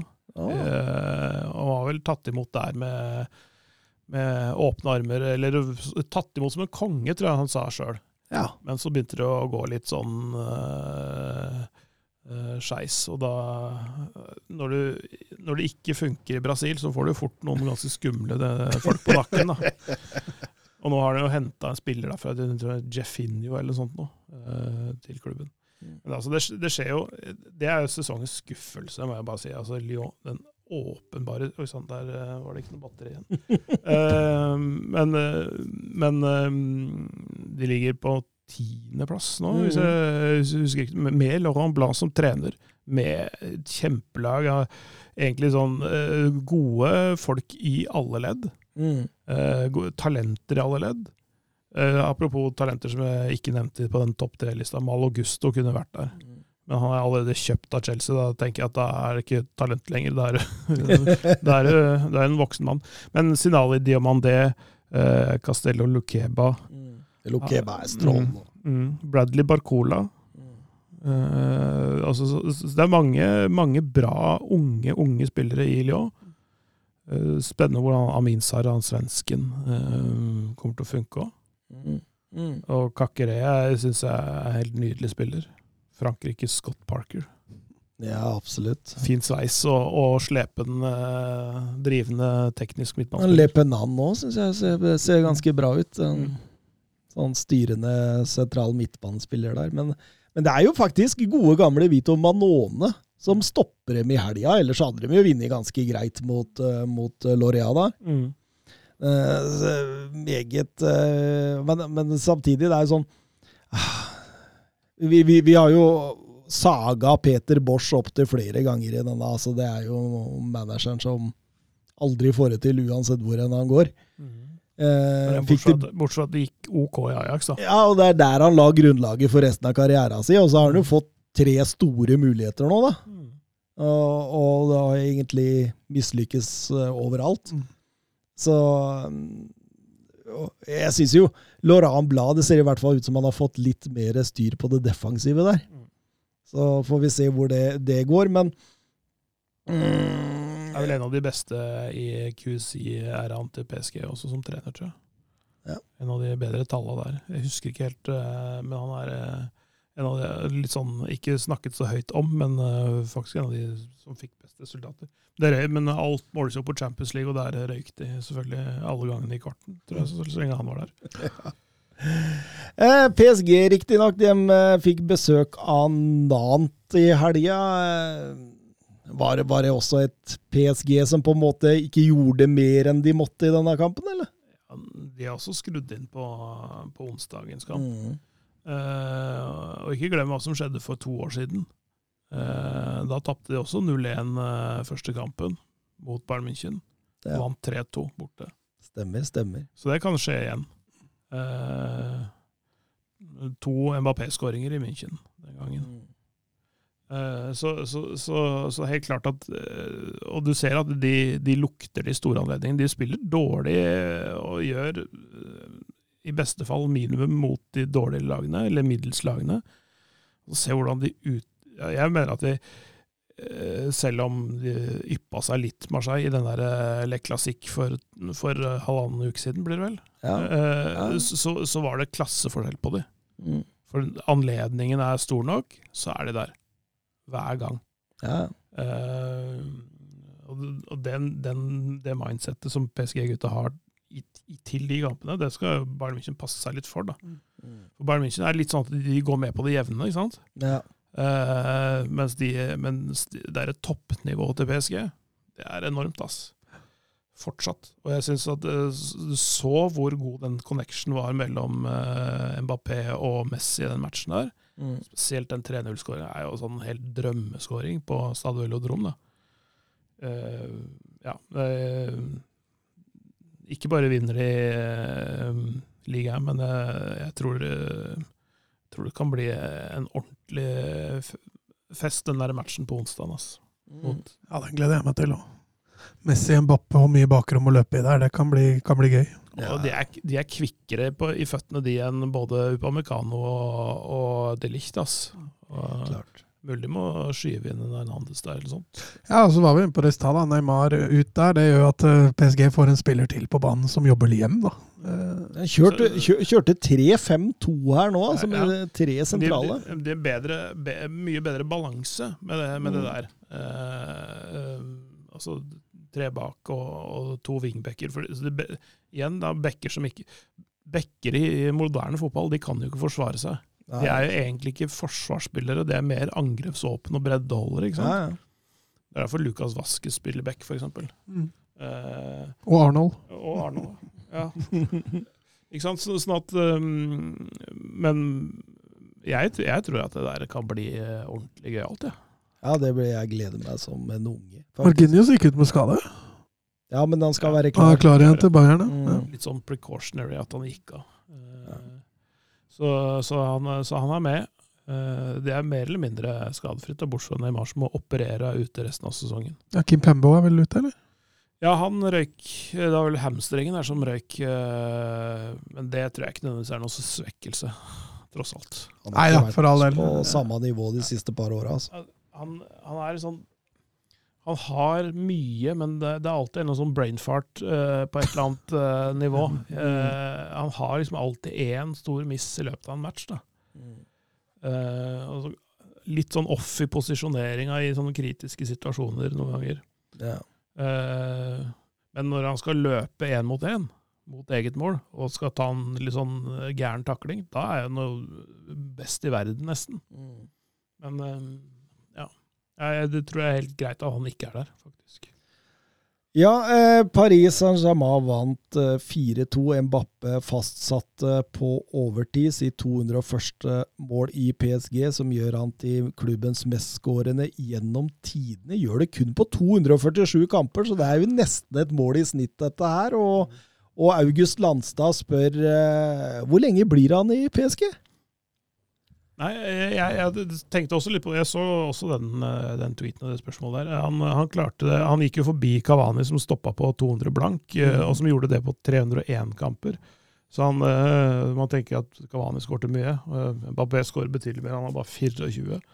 Det er helt galskap. Med, med, med en eh, utgangsposisjon som ofte er dypere enn det Kavani Og der hvor han igjen er best, ute til venstre, som er tråkker litt i bedet til Neymar. Mm. Eh, som, som gjør at eh, han eh, Ja, jeg, en, enda en grunn til at Neymar ikke bør eh, spille mer i PSG, tenker jeg, så lenge Mbappé er der. Ja, ja. Men jeg tror, tror han ble mer sentral i prosjektet i fjor sommer, når han fikk den nye kontrakten. Og det tror jeg var helt tydelig for alle at han var den nye kongen der. Selv om Messi kom inn, så er han den som er måtte, the main man. Jeg tenker eh, Det er ikke helt det samme, for det er litt mer sånn star power og andre sånne utenomsportslige ting som er inne i bildet her. Men det er litt sånn som den Gerards Chelsea-flørt etter Champions League-gullet i 2005. Eh, at det er litt den samme greia der, at han, han fort kan finne på å bli der. Mm. Uh, jeg er ikke så sikker på at, uh, at, at Real Madrid frister like mye. Det er ikke sikkert at Real Madrid er så hyppen på, for de trodde de fikk han i fjor. Og fikk han ikke, så tror jeg de eh, surna litt det forholdet der. Ja, Perez han hadde Ja. vondt av det der, Ja, altså. ja, ja, ja, det er så, et såra ego. Hvis uh, han skal sitte i presidentstolen der, så tror jeg ikke Mbappé kommer med det første. Ja. Eh, jeg tror heller at de vil ha Haaland. Litt mer den typen spiller de en sånn tung spiss inn i boksen, mer enn at de har en Hvis Mbappé skal til eh, Real Madrid, så, så går jo han og Venitius i beina på hverandre. Ja. Så, Det er vel det vi har konkludert med òg. ja, så jeg tenker at han kanskje blir det. Han hadde treårskontrakt, var det han signerte? to, eh, om det var to pluss én, eller om det bare var to. Flat out to. Jeg tror kanskje det var det siste. Og lønna steig noe voldsomt for hvert år. Ja, ja, ja. Ja, det, det er helt klart det. Det frister jo å bli Altså, det, altså, sikkert. så han, han trenger jo ikke å dra et eneste sted, for han er allerede sikkert dobbeltmilliardær. Altså, Ja. altså, han trenger ikke å tenke det. Altså, for han så er ikke penger en greie nå, så er ikke det som frister han. Han øh, øh, Altså øh, øh, Skulle tro det om Ronaldo òg. Altså penger, penger, penger, er, penger er, jo, et- er jo et mål på hvor mye du er verdsatt, mer enn at de trenger pengene. Mm. Det er litt det de tenker. Ja. Eh, opp mot andre stjerner. på en måte. Altså, der, det er mer der det ligger, enn at de trenger de pengene. Så jeg, jeg kjøper ikke det der griskhetsargumentet eh, som mange kommer med. Jeg tror mer at det er målt opp mot andre spillere i verden. Hvor mye verdsetter du meg? Og det er det det handler om. Eh, vi som podkast vi har jo både hylla og fulgt ekstra med på Stad renn under, eh, under Vill Still. Ja. Eh, Eh, Reims, som de sier på fransk. Ja. Eh, 17 League Ø-kamper på rad uten tap nå, etter han tok over for Oskar Garcia. Det er jo helt voldsomme tall. Eh, Svenske Kajust blei eh, målskårer og eh, matchvinner mot Ajaxå eh, denne runden. Og, og Bjørn Erik Skorge spør hvor lang tid tar det før Will Still får papirene i orden og han stikker til en annen klubb? Ja, det, det, er jo det store spørsmålet. Nei, eh, han Det er jo så gøy, denne historien der. Han på en måte bortimot lærte seg manageryrket gjennom Football Manager.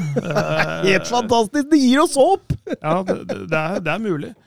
Han, han klarte å øh, omsette det i det virkelige liv, da. Eh, han, han, er jo, han er jo født og oppvokst i Belgia, har engelske foreldre, eller i hvert fall engelsk far. Eh, jeg tror faren jobba i en sånn Nato-greier eller et eller annet, noe, noe tilsvarende. Mm. Eh, han har jo A-lisensen, men han har ikke pro-lisensen. Mm.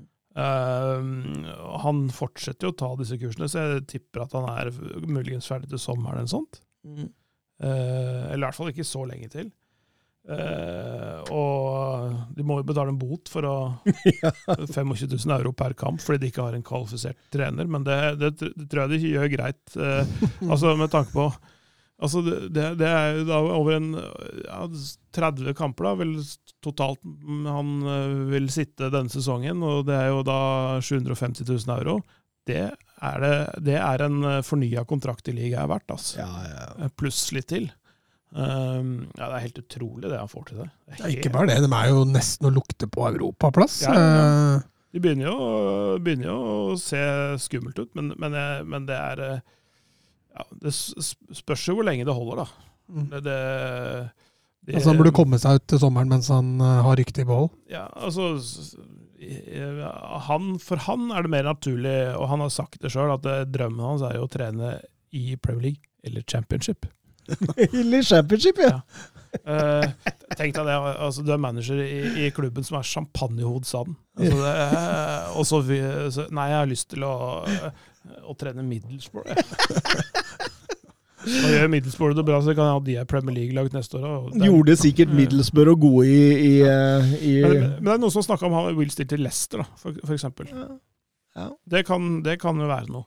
Altså sånn Få et lag som tross alt har ganske gode spillere, til å overprestere litt. Så, eh, så tror jeg det liksom, potensialet der kan være ganske stort. Men nei, Han har i hvert fall stengt butikken, og han der Ja. keeperen der, han Dioff, han slipper jo knapt nok inn mål nå. Så er det han eh, veteranstopperen foran der som er veldig viktig. Han var god, de var gode for et par-tre sesonger siden, og da hadde jeg han der Jonas Abdelhamid på, på halvårets lag ved, ved, ja, ved nyttårstider. Da. Um, så litt sånn uh, her og der. Uh, svensken Arber Seneli syns jeg er litt morsom, men han er, er litt sånn inn og ut og litt skada her og der og sånn. Men uh, eh, det er vel Loa Holm er vel der. Ja, han, han, han er vel Ja, ikke, han preger det ikke, men, men han er der.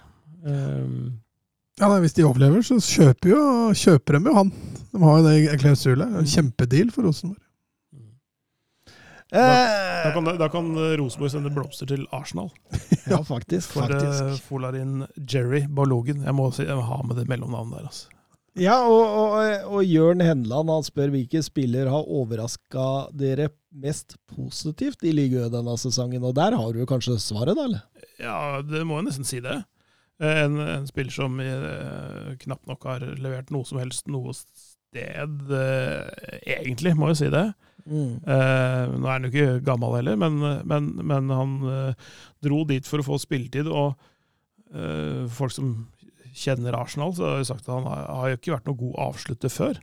Nei. Men nå er han jo det. Altså, det har jo aldri vært noen tvil om det fysiske her, og, og sånne ting, men alt, alt handler om når du skal bryte gjennom på toppnivå. Er jo, det er ikke hvor, hvor rask du er på 40-meteren. Nei, ikke sant. Eh, Eller hvor mye du tar i benken, eller om, om du klarer å løpe skulder ved skulder ved, ved en sterk stopper. Men han er, er så jævlig kjapp, da. Mm. Uh, Og, og, altså på gjennomløpninger. Ja. Uh, mer enn.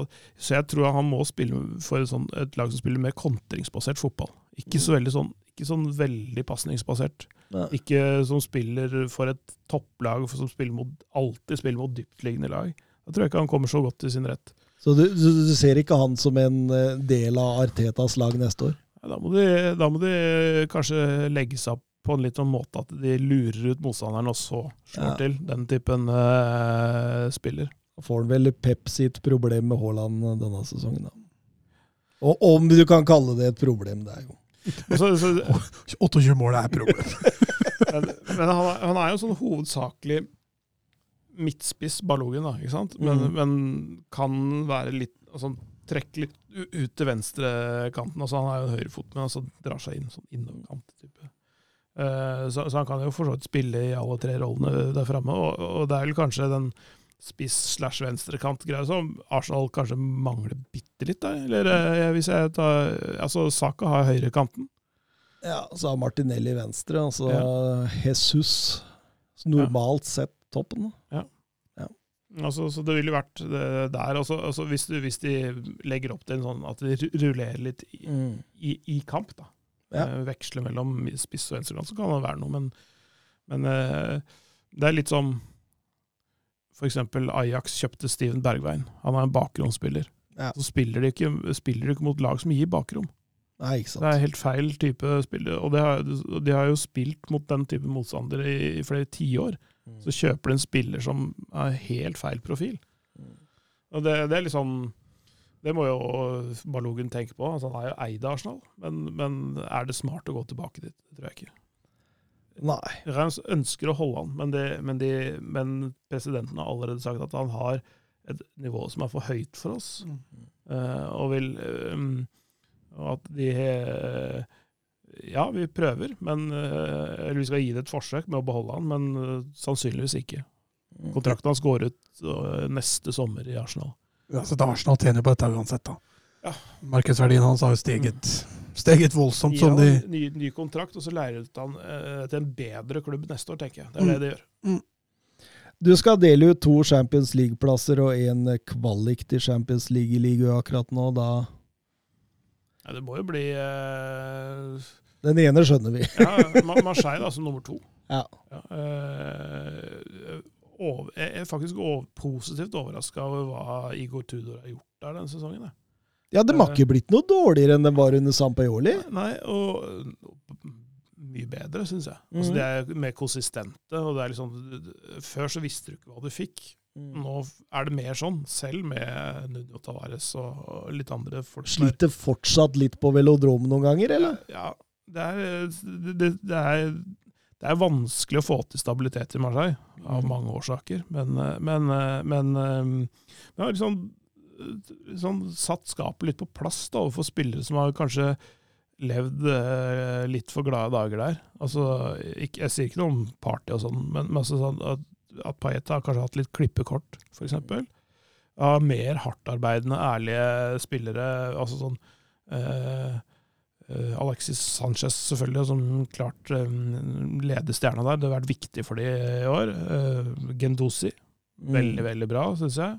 Eh, har jo blitt landslagsspiller for Frankrike gjennom eh, Ja. spillet i Marseille. Um, han er det man håpet at Rabiot skulle bli, på en måte. Litt, Mm. litt det, da. Uh, og også Cengiz Under kan slippe til hvis han er påskrudd. Mm. Men han får ikke spille hvis han ikke er det før, så kunne det liksom skure og gå litt. Ja. Men nå er det litt sånn tydeligere, og, og ja, jeg, jeg liker det jeg ser. Tok sin sjuende strake borteseier eh, i Ligø med 0-1-seieren over Renn. Og det er ikke bare å gå til Renn og hente poeng, så det, det var, den var veldig, veldig sterk. Svinger litt for mye av Renn, men der er det også det er veldig godt lag. ass. Ja, og en ekstremt imponerende måte å drive fotballklubb på.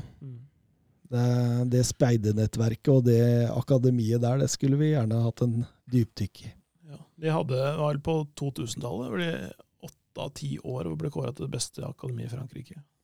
Æsj, pinnevilt. Eh, men men de, har jo, de har jo også solide økonomiske muskler i ryggen. Eh, Frankrikes rikeste familie bak, bak der, som er god for liksom 200 milliarder. Sånt. Vi må videre til siste programpost, eh, Europahjørnet. Bra jobba, gutta! Bra ball! Nei! Ah, grei offside. Tor Håkon, den er grei. Tor Håkon! Nei, Tor Håkon, det var din egen skyld. Ikke bli sint for det, i hvert fall. da. Tor Håkon, ikke kjeft på dommeren. Og ikke kjeft på dommeren. Tor Håkon, nå hører du på dommeren. Det er hver gang, altså. Hver gang. han er det der. Eh, Vi begynner med et eh, spørsmål fra den eh, fantastiske fotballpodcasten Kald kaffe. Eh, De spør eh, hvis dere kunne velge et oppgjør på en stadion dere ikke har besøkt enda, hvilken og hvorfor? Og så er det ikke lov å svare Bocca mot River. Ja, nei, For meg så blir det Betis Sevilla. Eh, alltid fascinerende å se dem fra TV-stolen, og helst på Benito Villamarin. Der er det ellevill stemning, og innmarsjen der, og Ja, hatet der som er der, jeg tror, jeg tror det. Hymnen på Ramón Sánchez Ja. Pizjuana. Ja, den er for all del, og, og ærverdige Ramón Sánchez Pijuan. Eh, men men ja, det er et eller annet med Benito Villamarin jeg gjerne skulle fått med meg. Mm. Du har jo vært rundt omkring, men eh, er det et sted du det, det, det som jeg har sett bilder av, som, jeg, som ser helt ellevilt ut, men som, eh, som jeg ikke har vært på, som kunne kombineres med en sånn biff og rødvin-ferie, det er å stikke til Rosario og se Rosario Derby der. Å, du fant noe annet i Argentina? Eh, ja. og, så, og så tar man da bilen inn til Mendoza, altså det vindistrikt som ligger helt opp mot uh, Andesfjellene der, så, og, og spiser argentinsk biff og drikker argentinsk rødvin. Jeg tror det, det, den, sånn, den komboen der tror jeg, den er jeg litt svak for. eh, siden jeg ikke kunne ta Bocca River. Jeg, så, jeg, skrev, eller, jeg tenkte ja, Jeg har alltid hatt lyst på Rangers uh, mot uh, Celtic, men jeg, jeg blir med deg på, på tur til Argentina. Det hørtes veldig deilig ut. Eh, Geir Halvor Kleiva, nå har du nevnt noe om Eres-divisjonen tidligere i dag, men han ønsker at du Er det noe som har skjedd der. Det er altså annet enn Ajax har jo mislykkes eh, fullstendig under Schreuder og fått seg ny trener i Heitinga. Åssen Mm. tror du dette går? Det, det går jo faktisk ganske bra. Mm. Uh, og de, uh, utrolig nok så har de jo faktisk muligheten til å uh, vinne serien. Og de har det i sine egne hender, for de har de klassiker hjemme på Johan Creif Arena. Eh, begynnelsen av eh, april. Ja. Og de ligger tre poeng bak Feinor. Mm. eh, og har bedre målforskjell. Har vel elleve mål bedre for målforskjell. og Sånt nå, så at uh, hvis de matcher resultatene og vinner det oppgjøret, så vinner de serien òg. Faktisk. Uh, de vant nå uh, i helga 1-0, uh, Kudus. Men med det så tok de sin 1500. seier i æresdivisjonen Ja. i historien. Så det er et lite tall, det også, for uh, siden det har vært så mange tall i denne uh, runden her. Nei, men, eh, men sin 1500. seier gjennom historien med den der. Så de, så de er på vinnersporet. Det jeg tror bare de var drittleie godeste Alfred i Ajax. eh, Men, men det, det, du ser det jo bare, bare på ganske, Kanskje personifisert nesten aller tydeligst gjennom uh, Dusan Tadic. Mm. Se hva slags energinivå han har nå. Han så helt dau ut ja. eh, hele høsten. Men det, motivasjonen var ikke der. Det, altså, det, helt, det var helt dødt eh, hos nesten alle. Men nå, nå er det jo på vinnersporet.